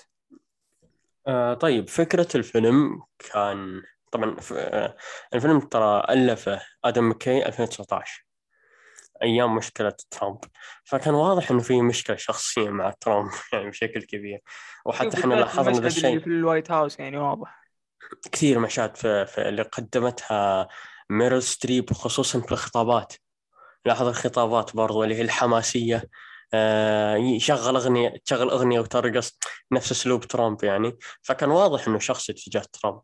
آه، الفكرة رهيبة صراحة وممتعة. آه، كون إن وهذا طبعا ذكرتني كثير ناس يشبونه بواحد بواحد من الأفلام Dr. Strangelove الفكرة إنه ياخذها بقالب كوميديا على طول بسؤال بالهاشتاج كانت ممتعة وكانت جميلة. لولا هلا. بقول بديت بسؤال في الهاشتاج. Dr. Strangelove سأل أسيد يقول إيش رأيكم بالتسويق على انه يشبه Dr. Strange love؟ يعني تسويق حلو صراحة. تسويق لطيف جدا. كان نفس الفكرة تقريبا. إي لا نفس لا مو مو عن إنه نفس الفكرة ترى في كثير أفلام كذا لكن هو نفس طابع النهاية. النهاية كانت متشابهة حلو؟ آه بس إيه بس Dr. Strangelove ترى أخذها بجانب آه سوداوي بحت حلو؟ إن كل الشخصيات كانوا سوداويين بحكم إن شخصيات سياسية يعني. وهذه حركة حلوة للأمانة آه، ف Dr. Strange أنا جالس أطبل من تحت لتحت. المهم Don't Look Up كانت فكرته حلوة وكان القصة برضو حلوة صراحة لكن السرد يعني بدأ يميل شوي اللي بعدين يروح فوق بعدين ينزل تحت في ممثلين ما أدري إيش فائدتهم والله العظيم ما أدري إيش فائدتهم آه يعني okay تخيل اللي أسماء كبيرة تحمسك للفيلم وأسماء كبيرة تحبطك من الفيلم وهو فيلم واحد. الفيلم كان ماشي على جانب تجاري وكان ماشي على جانب آه آه درامي. وأبدع فيها لكن في سلبيات كثير كانت مزعجة في الفيلم. إيش اللي هلا؟ إيش ازعجك؟ ما ودي شخصا. لا روح. آه، أول شيء فكرة اللي هو التركيز على أكثر من شخصية. يجيب لي أكثر من ممثل مشهور في في فيلم واحد. ويبيك تركز عليهم كلهم. لا ما راح أركز. يعني مثلا وجود تيموثي شالامي في الفيلم متأكد لو أي ممثل ثاني سواها راح يكون أصلا وجوده ما منه فائده وجوده كان مشهد مشاهد بسيطة. يعني حتى ما قد أنت تتوقع الناس تتوقع إنه خلاص إذا تيموثي شالامي موجود يعني راح يكون فيه نفس أداء في Dune أو حتى أداء في, في, في فيلم آه، في أيضا له فيلم ثاني في 2021 يتوقعون نفس الأداء. لا هو أصلا ما أدى. هو أصلا جاء سوى اللي عليه. وحب آه، سكارلي جونسون ومشي بس. فهمتني؟ آه، نفس الشيء أريانا جراندي انه والله العظيم ما أدري وش فائدتها يعني أعتقد إن وجودها إعلان بس لا لا, لا هو في... مشهدها أنا أختلف معك. شوف مشهدها كان جدا ممتاز و... و... والأغنية اللي في النهاية كان يعني برضه ممتازة. هو كان مشهدها يحكي وضع ال social media ووضع العلاقات ال social media وإنها هي تكون ترند في وقت إنه في شيء أهم. فكويس إنه جابوا يعني شخصيه زي اريانا جراندي عشان يضرب فيها المثل. إي إي بس ما ما يجيب اريانا جراندي نفسها. إي عادي ما في لا حبيبي إيش فائدتها في فيلم؟ أغنية رهيبة خلك يا خلها تغني. أنا سويت skip للأغنية صراحة. تبي الصدق؟ آه بس آه شو اسمه اسلم. أبغى أشوف راي الشباب عشان تصير فيها لا هو تسويق تسويق أصلا وجودها كان تسويق واضح. بحت بحت في ناس. هي كان أصلا كانت ماسكة الحملة اللي من التريلرات وكذا كانوا مركزين عليها وآخر شيء ما طلعت إلا في مشهد أو مشهدين يعني. مشهدين بس. اي بس عموما وجودها لطيف أريانا لطيفة بشكل لا. ما لا طبعا. ما أحت... هذا ما أحترم رأيك في الموضوع هذا لو تموت. ما ما ما حد يهتم برايك ترى. باخذ آه، رأي عزيز على الفيلم. آه، برضو عادي ممكن إذا عندكم أي شيء ممكن تضربون فيه المثل وتحرقون ترى. لا دو... صراحة Don't Look Up صراحة يعني من الأفلام اللي لفتت انتباهي كثير السنة زي لفت ما زي ما لفت انتباهي ريدلي سكوت في التحفتين اللي قدمها لي The Last Duel و House of Gucci Don't Look Up بالمعنى الأصح لا تهتموا للموضوع. طيب مين يقول هالكلام هذا؟ آه، القاده اللي كانوا محور الفيلم. ما كان عندهم ذاك الاهتمام في نقطة إنه آه، في كويكب جاي للأرض. وفي المقابل نرى نرى في البوستر جميع ال cast كانوا ينظرون فوق وكان يعني نقيض بين الاسم والبوستر. آه، في في القصة هذه بالذات واقعية على فكرة لأنه في فيلم وثائقي نزل عام 2006 وسبق ذكرت النقطة هذه اسمه يمكن انكونفينيت تروث أتوقع واللي تطرق للموضوع الاحتباس الحراري اللي تم اكتشافه من 40 سنة تقريبا من الثمانينات للعام 2006 يقول يا جماعة الخير ترى عندنا مشكلة كبيرة اللي هي احتباس حراري. ما حد كان عارفها. إلا لما إلا لما طلع الفيلم الوثائقي هذا الناس ضج ضج ضجت على الموضوع واللي صح واللي يعني واللي انفجع واللي قال هذه كلها خرابيط وخزعبلات. ففي آراء متضاربة بعد ما نزل هذا الوثائقي وفاز في الأوسكارز عام 2006 ووعت ناس كثير وناس يعني انتبهت للموضوع وقاده انتبهوا لذي النقطة. طبعا الوثائقي هذا رجع عام 2016 بجزء ثاني وقال إنهم سكتون في الاوسكارز بس ما في أي تقدم بالموضوع موضوع الاحتباس الحراري. فتخيلوا بهذا الفيلم ما تطرق الموضوع الاحتباس أو التغيير والاشياء هذه لا تطرق كويكب يعني شيء شيء أخطر. شيء بي بي بينقرض البشرية بيخلي كوكب الأرض يعني ما له وجود تقريبا أو يكون كوكب يعني غير قابل للعيش ولو بعد ملايين السنين. فكان مبالغ فيه الطرح إنه في كويكب وما حد منتبه. للاشياء التافهة زي ال social media والأخبار الروتينيه الروتينية اللي دائما يتداولونها مثلا برامج صباح الخير والأشياء هذه. ما كانوا مهتمين بالموضوع بالأساس. كان خبر على الطاير كذا. والعلماء ماسكين غضبهم كذا. يعني في لما يصير أصلا في الواقع تصير قد صارت أكثر مرة ترى في مثلا يجيك عالم يقول في شيء بيدمر الأرض ما أدري إيش ويجيك في فقرات إيه الأخبار مده 40 ثانية ذي الأخبار على السريع. والله, والله ناخذ الخبر على السريع كذا ولا نعطي أي اهتمام. بل ناخذ الموضوع أذكر حق ثقب الأوزون أو ثقب الأوزون كان بيصير فيه احتباس أو شيء. ونفس إحنا إحنا ناخذ الموضوع هذا بالسخرية ترى على فكرة يعني مع الاسف مع إنه في ممكن تصير إيه. كارثة بيئية يعني شيء إي بالضبط. لكن لا لا لا لكن لب الموضوع كان أنا باعتقادي الشخصي عن موضوع الاحتباس الحراري ومدى تأثيره وجبناه بطريقة ساخرة إنه مثلا دونالد ترامب رفض المؤتمر اللي ينعقد في فرنسا عن التغيير المناخي والاحتباس الحراري اللي قاعد يصير حاليا في كوكب الأرض. برضو تطرق لها آدم ماكيب بطريقة ساخرة جدا. وعلى فكرة يعني المحور الأساسي يعني كيف أقولها لك كوميديا بس داخلها حقيقة مؤلمه عرفت كيف؟ هل أنت زي ما اللي قال ليش ليش الفيلم سخيف لأن سرده سخيف والأحداث سخيفة ولا أنت مع اللي يقول انه هذا الأسلوب اسلوب المخرج اللي يطرحها بطريقة شوي كوميدية لا شوف إي بالضبط هذا الأسلوب المؤلم اسميها أنا صراحة يعني إنك تطرحها بطريقة ساخرة لكن بالواقع هي مؤلمة جدا يعني عرفت كيف؟ زي في أكثر أعمال كوميدية آه، تطرقت لمواضيع آه، هي أساسا درامية عرفت كيف؟ فغلفها المخرج بطريقة ساخرة آه، لعل المشاهد الواعي يتوعى شوي طبعا في ناس كثير قالوا ما لها علاقة الموضوع اللي تقول الاحتباس الحراري والاشياء هذه لا بالواقع هي نفس الشيء ليوناردو دي كابريو لما قرأ النص وحس إنه يعني قريب ذا الموضوع بل آه، آه، أنا أجزم إنه طرح القضية هو نفسها على نفس ذا الموضوع عرفت كيف؟ آه، ففيلم صراحة جميل من ناحية طرح القصة الكوميديا الهزلية الأشياء الأداء التمثيل ممكن شوي يزعج البعض كثرة النجوم برضو مزعجة شوي لكن في تناغم حلو بين جينيفر وديكابريو آه، صحيح أتفق معك رغم إنه ما كان بينهم ذاك التلامس القريب قريب قريب مرة يعني آه، لكن آه، أداء ليوناردو يعني أنا أتمنى أتمنى يفوز بأفضل ممثل كوميدي في السنة. إنه ترشح لأفضل ممثل كوميدي في إي بالضبط. يعني ما أتوقع في ممثل ثاني يستحقها غير ليوناردو صراحة. للأمانة يعني يستحقها بجدارة والله قدم أداء يعني استثنائي. والفيلم يعني موضوع ليوناردو شوي بس قبل بعد ما ناخذ رأي. ممتاز. والفيلم اي وعلى السريع الفيلم صراحة يستحق افضل فيلم كوميدي موسيقي بعد إذا آه تبغاها جميع يعني. صراحة يعني الفيلم استحق بجداره يعني. فأنت من الحزب اللي عجبهم الفيلم يعني ف 100% آه. في حزب ثاني ترى ما عجبهم الفيلم موجودين. يعني انتبه ولا على فكرة في في نقطة ودي اوضحها أنا قلت يستحق أفضل فيلم كوميدي موسيقى ما أقصد موسيقي لكن هذه الجائزة آه، تصنف في هذا التصنيف. فنعم. آه لؤي الفيلم بشكل عام أنت الجانب قاعد تست... تست... تستطيش غيظا ما ادري يسمونه. لا لا أنا أذكر إني قد تحدثت عن الفيلم مع عبد العزيز في أحد السويسات صحيح. وقلت ان إيه وقلت إن الموضوع الفيلم عندي يعني بالأخير اللي كاتب الفيلم ومخرج الفيلم آدم مكاي يعني باختصار أنا مستحيل آخذ آدم مكاي بشكل يعني جدي وأزعل والله جد وأزعل عليه. لأني أنا أنا أعرف آدم مكاي وأعرف وش يقدم. أه لما نتكلم عن الفيلم بشكل عام أنا قلت رأيي من زمان وأعيده مرة ثانية. أنا مش اللي يقول لك أفضل فيلم مستحيل نقول لك إنه فيلم سيء. أنا عايش مع الفيلم بمنطقة يعني رمادية.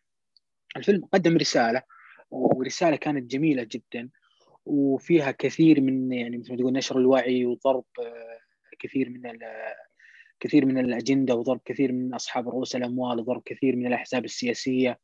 آه، كذلك يعني يسقط على المجتمع كونه مجتمع أصبح غير واعي وفاهي ويهتم بالامور كثيرة غير مهمة في حياة المشاهير. أكثر من يعني اهتمامه حول البشرية وما يصير لها. يعني الفيلم ينقسم بشكل عام لثلاث أجزاء، الجزء الأول يعني يشمل اكتشاف المذنب اللي إحنا شفناه اللي راح يصدم الأرض. بعدها يعني يتحول الفيلم الجزء الثاني ويكون عبارة عن قالب ومحاولات لزيادة الوعي يعني شفنا آه، خروجهم في ال show وما إلى آخره. وحتى مقدمة ال show ما كانت يعني مهتمة للموضوع قد اهتمامها بوسامة آه، ليوناردو دي كابريو. فهنا تشوف إن المجتمع والجيل ذا آه، واضح إنه مجت يعني واضح ان الجيل غير مبالي على الأمور اللي قاعدة تصير. بعدها يعني الجزء الثالث يعني يبين لك كيف تتعامل الحكومات والشركات أصحاب رؤوس الأموال والحكومات والأحزاب السياسية والعالم كله كيف يحاول يعني يعرف أو كيف يتحكم في, في الكارثة القادمة على الأرض يعني كون الناس تشوف إنه مذنب بسيط المذنب تشكل الأرض كان عبارة عن ضرب لمذنبات أبادت الحياة وشكلتها من جديد بعد الله. لكن ما بالك لو مذنب واحد يضرب الأرض؟ هذا يعني كثير من الفيضانات كثير من الغمامة الشمس ما هي موجودة. البشرية راح تدمر يعني خلال أسابيع بسيطة أو ربما أيام.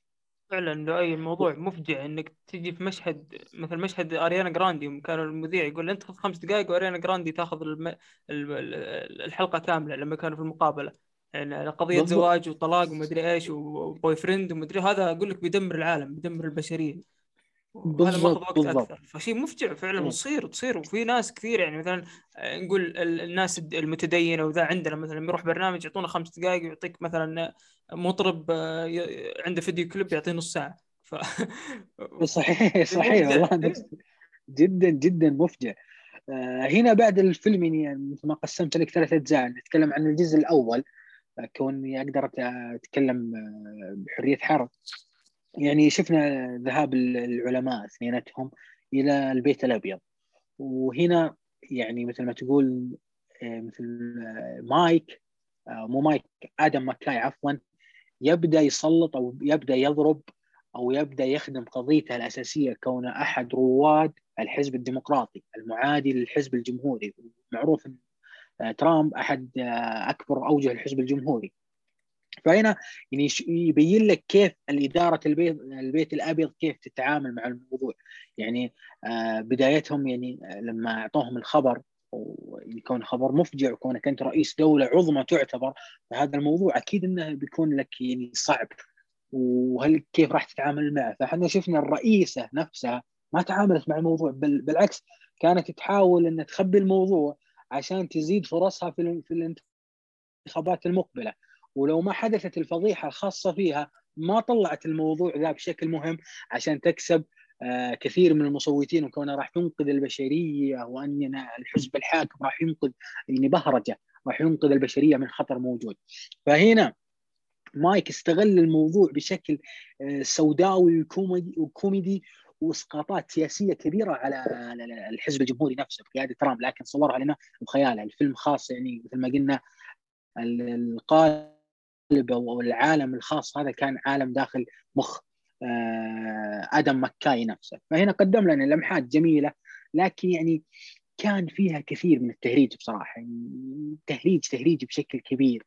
أيضا أسقط يعني اسقاطات كبيرة وعجبتني يعني اسقاطات كانت عن موضوع شو اسمهم؟ الجيش الجيش كون أحد الضباط الكبار قاعد يبيع عليهم الأكل free فهنا اسقاطات على مستوى. اي هذا هذه نعم.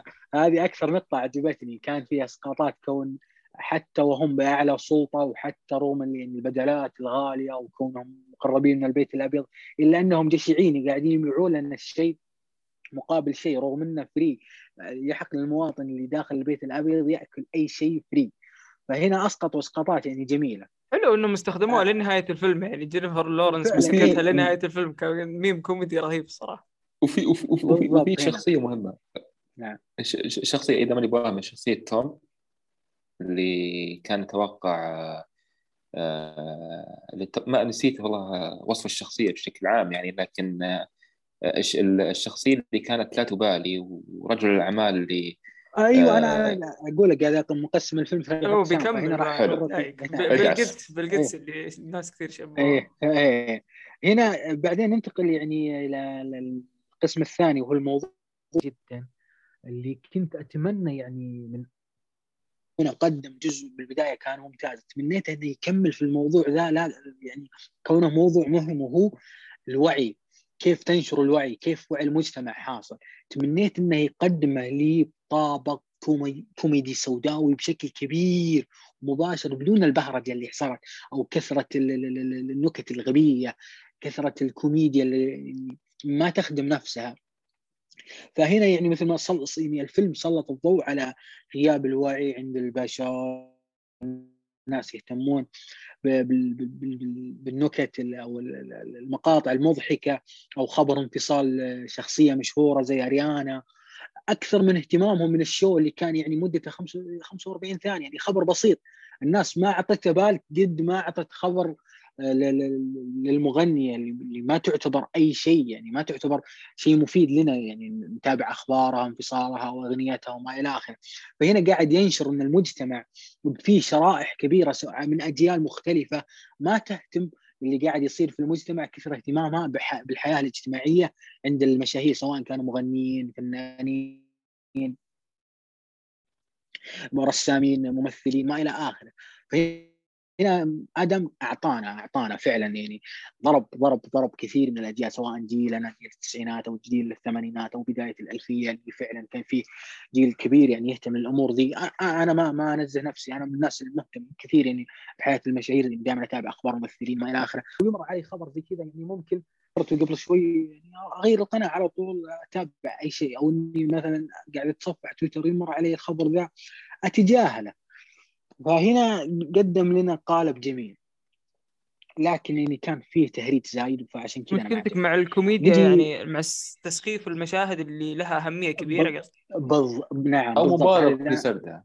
يعني شوف أنا أنا عندي صراحة أكبر سلبية جونا هيل يعني بالغصب يضحك. كان صحيح. في أي صحيح. مشهد يحاول يرمي النكتة ذكرني في دو دو تحسه يعيش على أمجاد فيلمه مع ليوناردو The Wolf The Wolf بالضبط. يعني. كان شخصيته عبارة عن كذا. نفس الشخصية تحسها. okay يمكن هذه الشخصية اللي في ال White House ولد ترامب وكذا بيحاولون يمش يذبون أنت لو ترك لو تركز على ال design الخاص وال character الخاص للشخصية نفسها تشوفها حتى اللبس يا رجل نفس اللبس اللي كان يلبسه في فيلم مارتن سكورسيزي ذئب البورصة. فأنا أستغرب يعني أنت ليش جايبه بالضبط؟ يعني أنت ما أنت قاعد تقدم لي مادة يعني.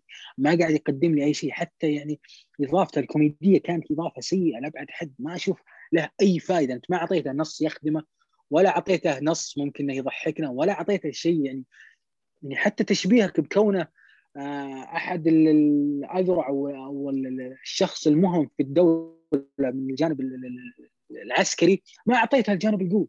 أوكي أنا ممكن إنك تقول هذا ما عنده خلفية عسكرية والرئيسه حاطته عشان ابنها كونك تسقط على ترامب فهذا غلط. كنت قادر تسقط على ترامب أمور كثيرة أكثر من كون ان, إن, إن ابن ترامب يمسك أحد القطاعات العسكرية. فهنا هو واضح إنه مكتوب ترى عشان ترامب مكتوب بشكل شخصي جدا. نعم نعم نعم الموضوع واضح أصلا.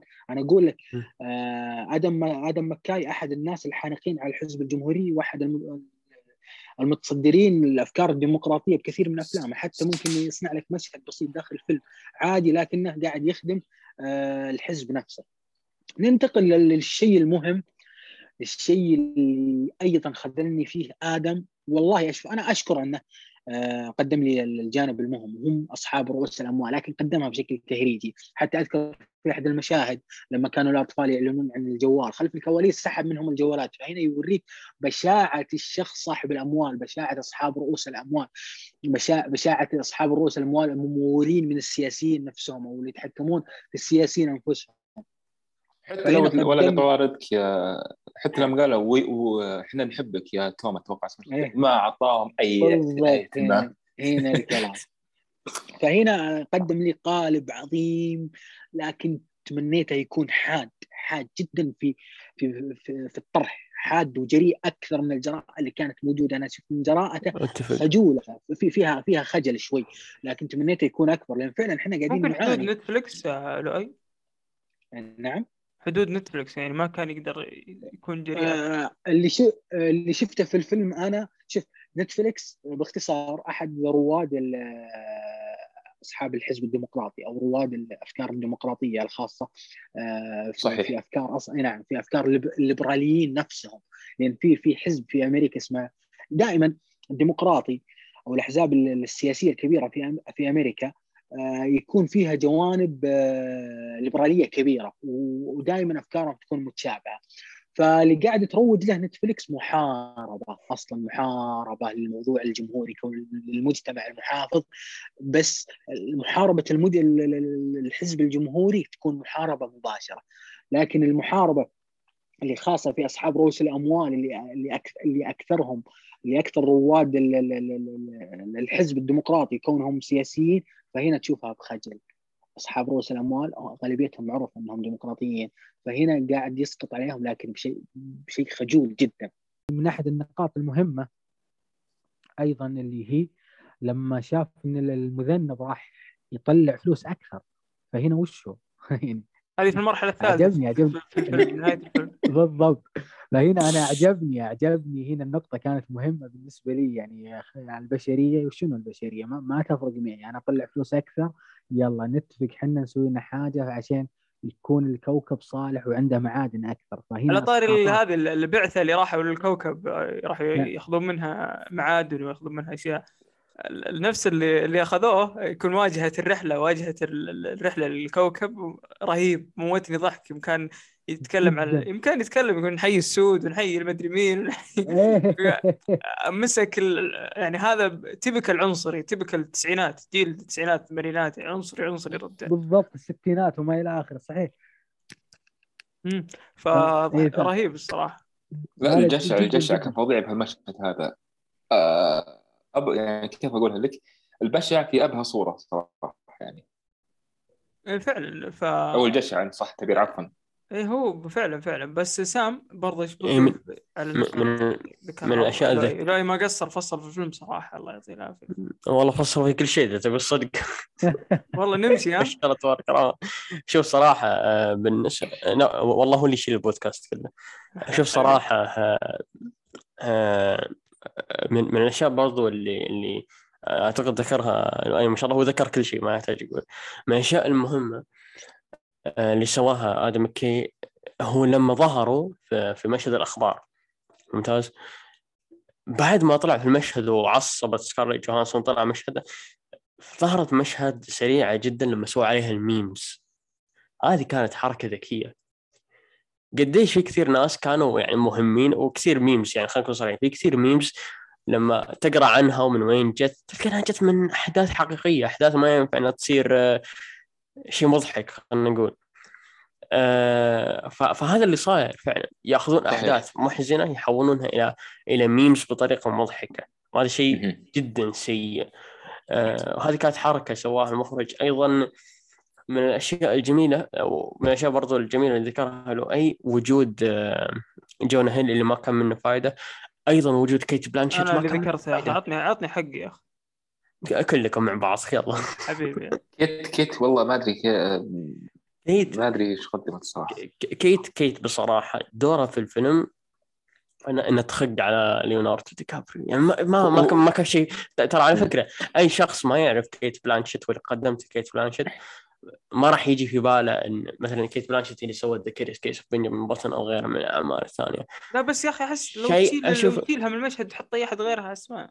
لا يعني بالضبط. لا صدقني يعني صراحة صح جاب نجوم وكذا بس إنه أحس إنه ما جابهم لغرض بس إنه نجوم وكذا ومش لا لا لا لا لا في في يعني في كل مشاهد. أنا في اعتقادي صح صح صح لايقين بس لا تجيب لي شخص باسم كبير يؤدي مشهدين ثلاثة أربعة وكلها عادية كلها ما تحتاج أداء تمثيلي حتى. هو بس واحد اللي فيه أداء تمثيلي باقي لا.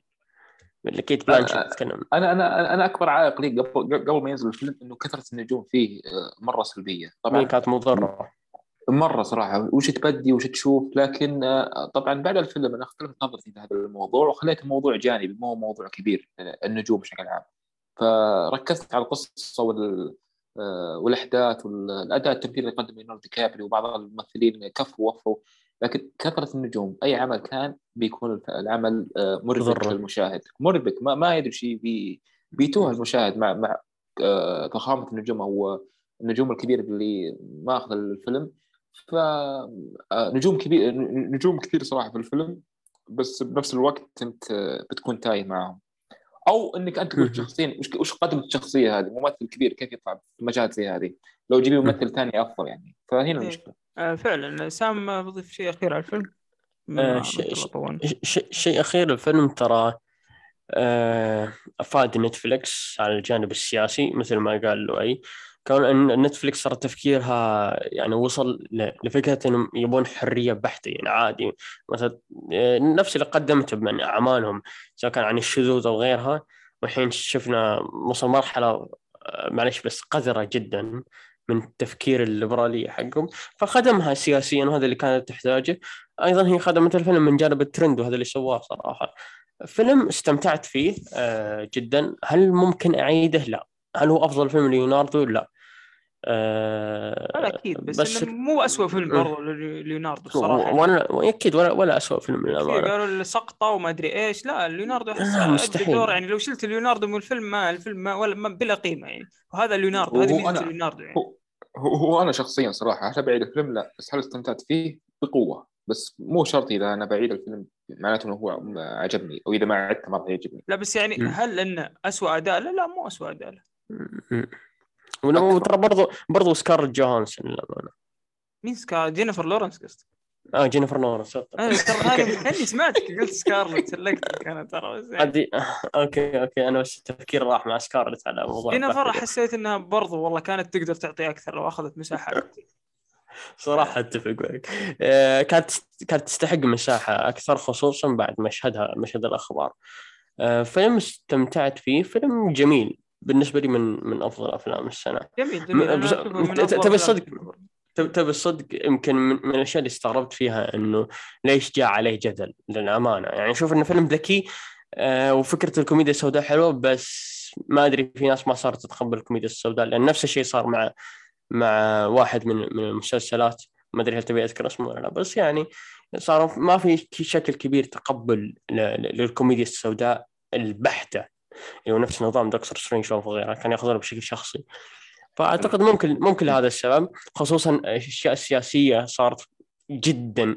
لو تبي تسوي فيلم سياسي أنت بتروح فيها. صدق يعني بشكل كبير. بس ف... آه يعني شوف نتطرق يعني الاشياء بسيطة في الفيلم. الفيلم يعني كان الفكرة عميقة لكن تقدم لك بشكل بسيط وهذه ميزته خصوصا إنه موجود على نتفلكس وأي أحد يقدر يشوفه. الفيلم أثار ضجة حتى ال casuals يعني بشكل كبير. أي أحد تقول تقول Don't Look Up لا تنظر إلى السماء. لما الفيلم أخذ ضجة كبيرة فهو هو أكثر فيلم مشاهد واخذ شعبية أكثر يعني. فيلم أكثر فيلم مشاهد في تاريخ نتفلكس حاليا. إي فأنا أشوف إنه يستاهل. إيه. إيه. wow صراحة يعني يستحقوا بجداره بس ترى مقارنة بالأعمال التجارية يعني قاعد تنزل بشكل شهري في نتفلكس أنا ما شفت هذا هذا ما شفته من الأعمال التجارية مع إني شفت ال poster في البداية قلت لا لا أقصد... عمل تجاري يعني. لا أنا فاهم قصدك بس لا أقصد مقارنة ال poster يعني, يعني توقعت إنه عمل تجاري بس لا فعلا طلع يعني مش مش ولاحظنا سنة 2021 نتفلكس دخل دخلت أعمال كثيرة لها ترند تاريخي. ولما نتكلم عن تاريخ نتفلكس ف... Power of the Dog بالضبط ما اتفق معها مو كلها عجبتني بس انها فعلا داخله ما ما, ما, ما أقول لك إنها ممتازة أو عظيمة لا أنا أقصد انها إنها صارت أو, أو الأشهر في تاريخ نتفلكس يعني مثل مثل مسلسل لوبين اللي صار أكثر مسلسل مشاهدة في تاريخ بعدين راح ترى Squid Game برضو ونفس الشيء Red Notice كان أكثر فيلم مشاهد في تاريخ نتفلكس يعني كسر Don't فيلم ممتع والله وش Red Notice ولا وش؟ Red Notice آه okay. ما أقدر أتكلم عن Red إيه، عارف إني بحشر كذا تكلمت عنه أبغى أخذ على فيلم Don't Look Up آخر الكلام عند لؤي. إيش رأيك في الفيلم؟ تنصح ما تنصح؟ نهاية الكلام. يعني لا والله انصح أنصح الجميع بمشاهده الفيلم. آه، كون فيه جوانب كثيرة دراميه حلوة ممتعة أيضا يعني يسلط الضوء على حالنا بشكل عام أو حال 90 أو إلى 85% من البشرية حاليا. كونها يعني غير مهتمة لأمور كثيرة يعني تمر علينا. يعني أذكر في 2012 و 2013 كثير يعني من المذنبات اللي مرت. يا أخي أنا سبحان الله من أحد الصدف الغريبة إني أنا ما تابعت شيء عن الفيلم قبل مشاهدته. لا يعني الإعلانات الترويجية لا قريت القصة.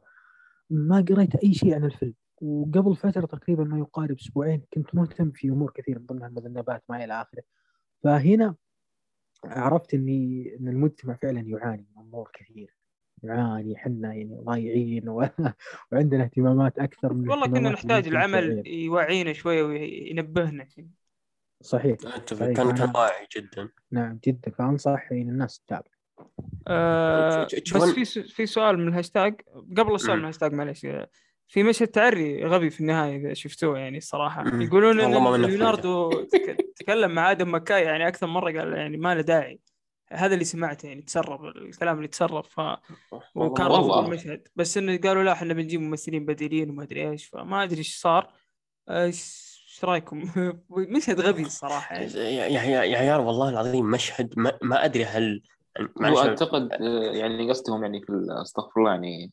في الجنه يعني إيه أتوقع كذا أستغفر الله. ف آه، اللي اللي شو اللي سوى أشياء مو كويسة راح يتعاقبون عرفت كيف؟ فهذا تفسير المخرج. ممكن يكون ممكن يكون عنده فكرة إلحادية. ترى كثير مخرجين آه، خلاص صار لكن لا يقصد إنه اللي يسوي شيء مو كويس نهايته يعني كذا يعني عرفت كيف؟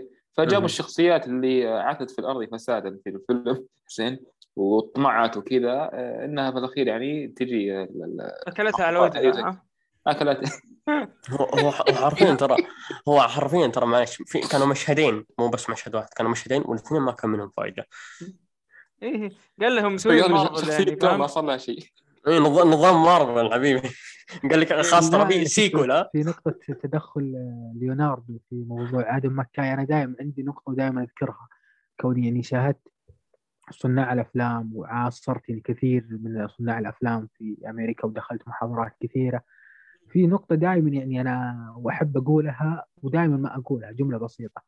الممثل اللي يتدخل في عمل المخرج قليل أدب إلا إذا كان واكين فينيكس باختصار. لأن واكين فينيكس تدخل تدخل في فيلم تدخل في عمل تود فيليبس بنص التصوير وغير كثير من أمور شخصيته وقدم لنا عمل عظيم، كثير من الممثلين ممكن انهم يتدخلون في شيء ما يعنيهم، فأنا أقول يا لو يا ليو تراك قليل ادب.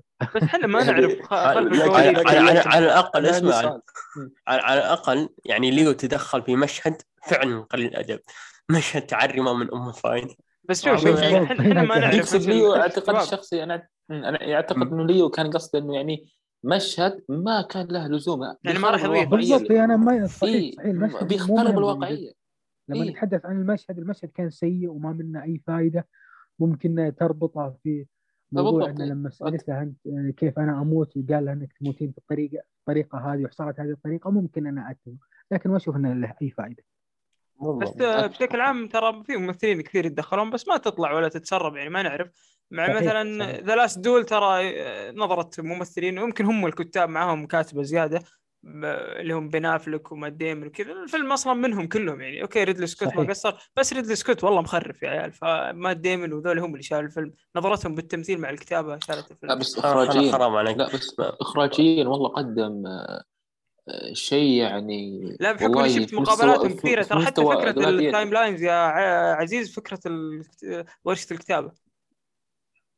ممتاز. لكن آه، إخراج بشكل عام صراحة بصراحة يعني ممكن آه، تصريح قوي شوي في مستوى Gladiator أنا Gladiator راح أعيده إن شاء الله الأيام الجايه لكن أنا دائما أقول ريدلي سكوت آه، ممكن لو يصنع 60 فيلم أو 1000 فيلم ويكون سيء يشفع له فيلم Blade Runner يعني كونك تقدم فيلم عظيم في الثمانينات وتحول إلى فيلم أتفق معك. يعني كان يعني فيلم noir تعرف معنى مصطلح مصطلح فيلم noir يعني فيلم لازم يكون جريمة دراما في تحقيقات في جوانب سوداوية في شخصية مضطربة وتقدمها في فيلم خيال علمي وكون المصطلح مندثر له ما يقارب 40 سنة.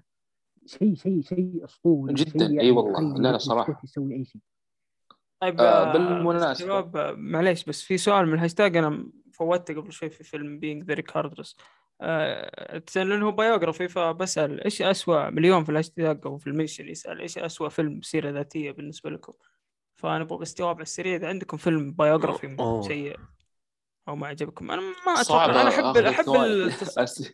أنا أحب التصنيف هذا الصراحة. كل افلام ال biography اللي شفتها جيدة. يعني ما في سيء سيء ما شفت شيء سيء الصراحة. أنا شفت سيء آه، أنا شفت صراحة سيء أسلم. أسلم الوعي آه، اللي هو فيلم ستيف جوبز. كان سيء. أوه 2013 نعم. نعم أنا بالنسبة أنا بالنسبة لي فيلم جيا عام 98 يتكلم عن عارضة ازياء بطولة أنجلينا جولي يتكلم عن عارضة ازياء دخلت شيء غريب صراحة يتكلم عن عارضة ازياء دخلت المجال هذا عمرها 17 سنة. دخلت في علاقات آه يعني انجلينا جولي عرضة ازياء وكذا وخلاص أبو كلب يعني. عزيز إيش إيه. هو هو شوف وعلى فكرة ترى إنتاج HBO. فلو تعرف HBO زين تعرف إيش فكرة الفيلم. خلاص يعني نسحب عليه كان كان جدا آه كان جدا آه افلام لا أنا بالنسبة لي أفلام السيرة الذاتية تكون من ممتاز لعادية ما فيها سيئة صراحة. يعني ما أنا أغلبها حلوة يعني حتى لو انه سيئة وما عجبني حلوة. أضاف لي شيء إيه بالضبط. أنت اي أنت تشوف شخصية تعبر يعني على يمكن مراحل عمرية تقريبا اعظم معظم الأفلام زي كذا. فأنت تقبلها ليش؟ لأنه ممكن أغلبها يعني تكون فيها نقلات نوعية للشخصية قصة نجاح آه، شيء زي كذا. جريمه تكون زي مثلا Goodfellas وأفلام كثيرة تقريبا. نعم God of War نعم وهذا أصلا الموضوع يخلينا نطرح شيء ثاني اللي هو آه، متابعة أفضل فيلم سيرة ذاتية في التاريخ اللي هو Walk the Line تابعونا يا شباب. وأنا في اللستة والله. آه حق حق خواكين فينيكس ترى أنت مطبل نعم خواكين يعني لحظة وش الفيلم معليش؟ Walk the Line يتكلم عن Line صراحة Line يعني جوني كاش جوني كاش صراحة يعني من الأفلام الجميلة رغم إن الله هذه بنت جوني كاش طلعت قالت هذا مو هذا مو أبوي زين؟ لكن أنا تقبلت أصلا من الأشياء الغريبة صحيح اللي يعني ممكن كلام بالتصريح ذا جوني كاش قبل لا يموت في 2002 مدري 2003 سألوه منو الشخصية اللي ممكن تمثل الفيلم حقك؟ قال أنا ما أشوف في ممثلين هوليوود إلا ممثل واحد وهو خواكين فينيكس. خواكين فينيكس وسوي الدور ب... أتوقع إنه سوي الدور يمكن رجعوا للتصريح هذا وخلوه يسوي الدور. ما أتوقع إنه صدفة يعني. Wow. آه آه لا صراحة أنا... جميل وتوصية حلوة عزيز أنا أقول لك ما أتفق معك ال biography بالنسبة لي حتى لو كان سيء يعطيني ينورني ويخليني أروح أبحث زيادة حتى أشوف أقرأ بالضبط أشوف documentary بس بس لحظة لحظة. وش وأخيرا House of Gucci يعني إيه؟ كسيره ذاتيه مع إنه خايسه بالسوق. شوف صراحة ما حد يتكلم عن ال designer حقه يعني ممكن لو ال biography ممكن يفيدك حلو؟ وشفت جيا وش اللي بيفيدك في في مصممة أزياء أو عارضة أزياء؟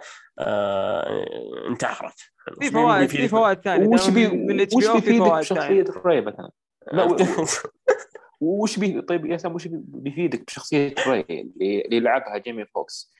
نفس الشيء تقريبا. مغني إيه عنده واجه كثير من العقبات و...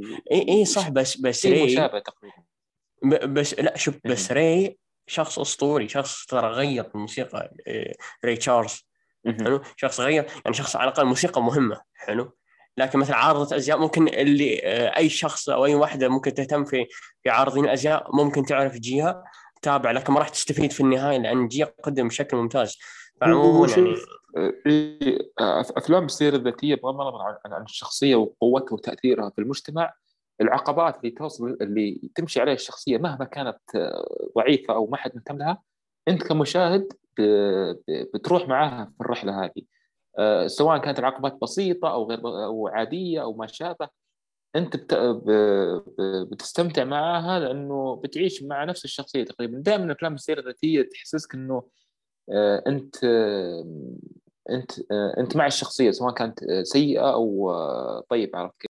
آه، بالضبط فهذه هي افلام استراتيجيه في فيلم اسمه God of War أو War of God ماني War of God God of War أتوقع حق نيكولاس كيج من الأفلام الاستراتيجيه الرائعة صراحة. Lord Lord of War أعتذر. لا أشكرك. أشكرك والله يا اسامه هذا ترى أقول إيش في جاب كريتوس ده؟ اسمع أنا أنا على طول راح بالي كريتوس قلت خليني أقول. يعني قلت ليش جاب كريتوس؟ اللي ما يعرف كريتوس لعبة God of War هو أصلا الفيلم خاطئ أعظم شخصية. الفيلم ترى في الترجمه ترى غلط ترى غلط. هو جاي عكس لكن متعمد المخرج إنه يعطيه الاسم ذا وبرضه قصة حقيقية لتاجر الأسلحة أتوقع يعني ابوهم يهودي تقمص دورها نيكولاس كيج من الأفلام الرائعة والجميلة. طيب يعطيك العافية عزيز. يعطيك العافية سام.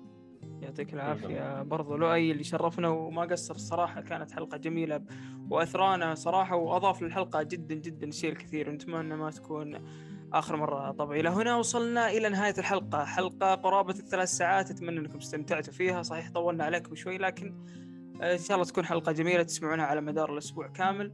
فالله يعطيهم العافية الشباب اللي كانوا معي. آه نتمنى منكم تقييم البودكاست. ما قلتها في بداية الحلقة. حلقة طويلة اوريدي فما بغيت اضيف زيادة. فالآن أتمنى منكم تقييم البودكاست لأنه يساعدنا كثير على الانتشار. وبرضه حسابنا في تويتر Our Week 1 ننزل فيه جدول الحلقات. شباب الاعضاء متواجدين هناك بشكل كبير. آه استماعات كويسة وهذا شيء مرة ممتاز ويزيدنا شغف يعني. وين كنا وين صرنا والحمد لله وبدينا نتطور. لكن إذا الاستماعات كويسة فالشيء المحزن إنه ما في تقييم ما في تواصل ما في communication بيننا وبين المستمعين. فقيموا البودكاست يساعدنا كثير نطلع في الترند و... وبس والله ما أبغى أكثر طلبات. فحلقتنا القادمة راح تكون أسبوعنا جيمنج يعطيكم ألف عافية وفي أمان الله.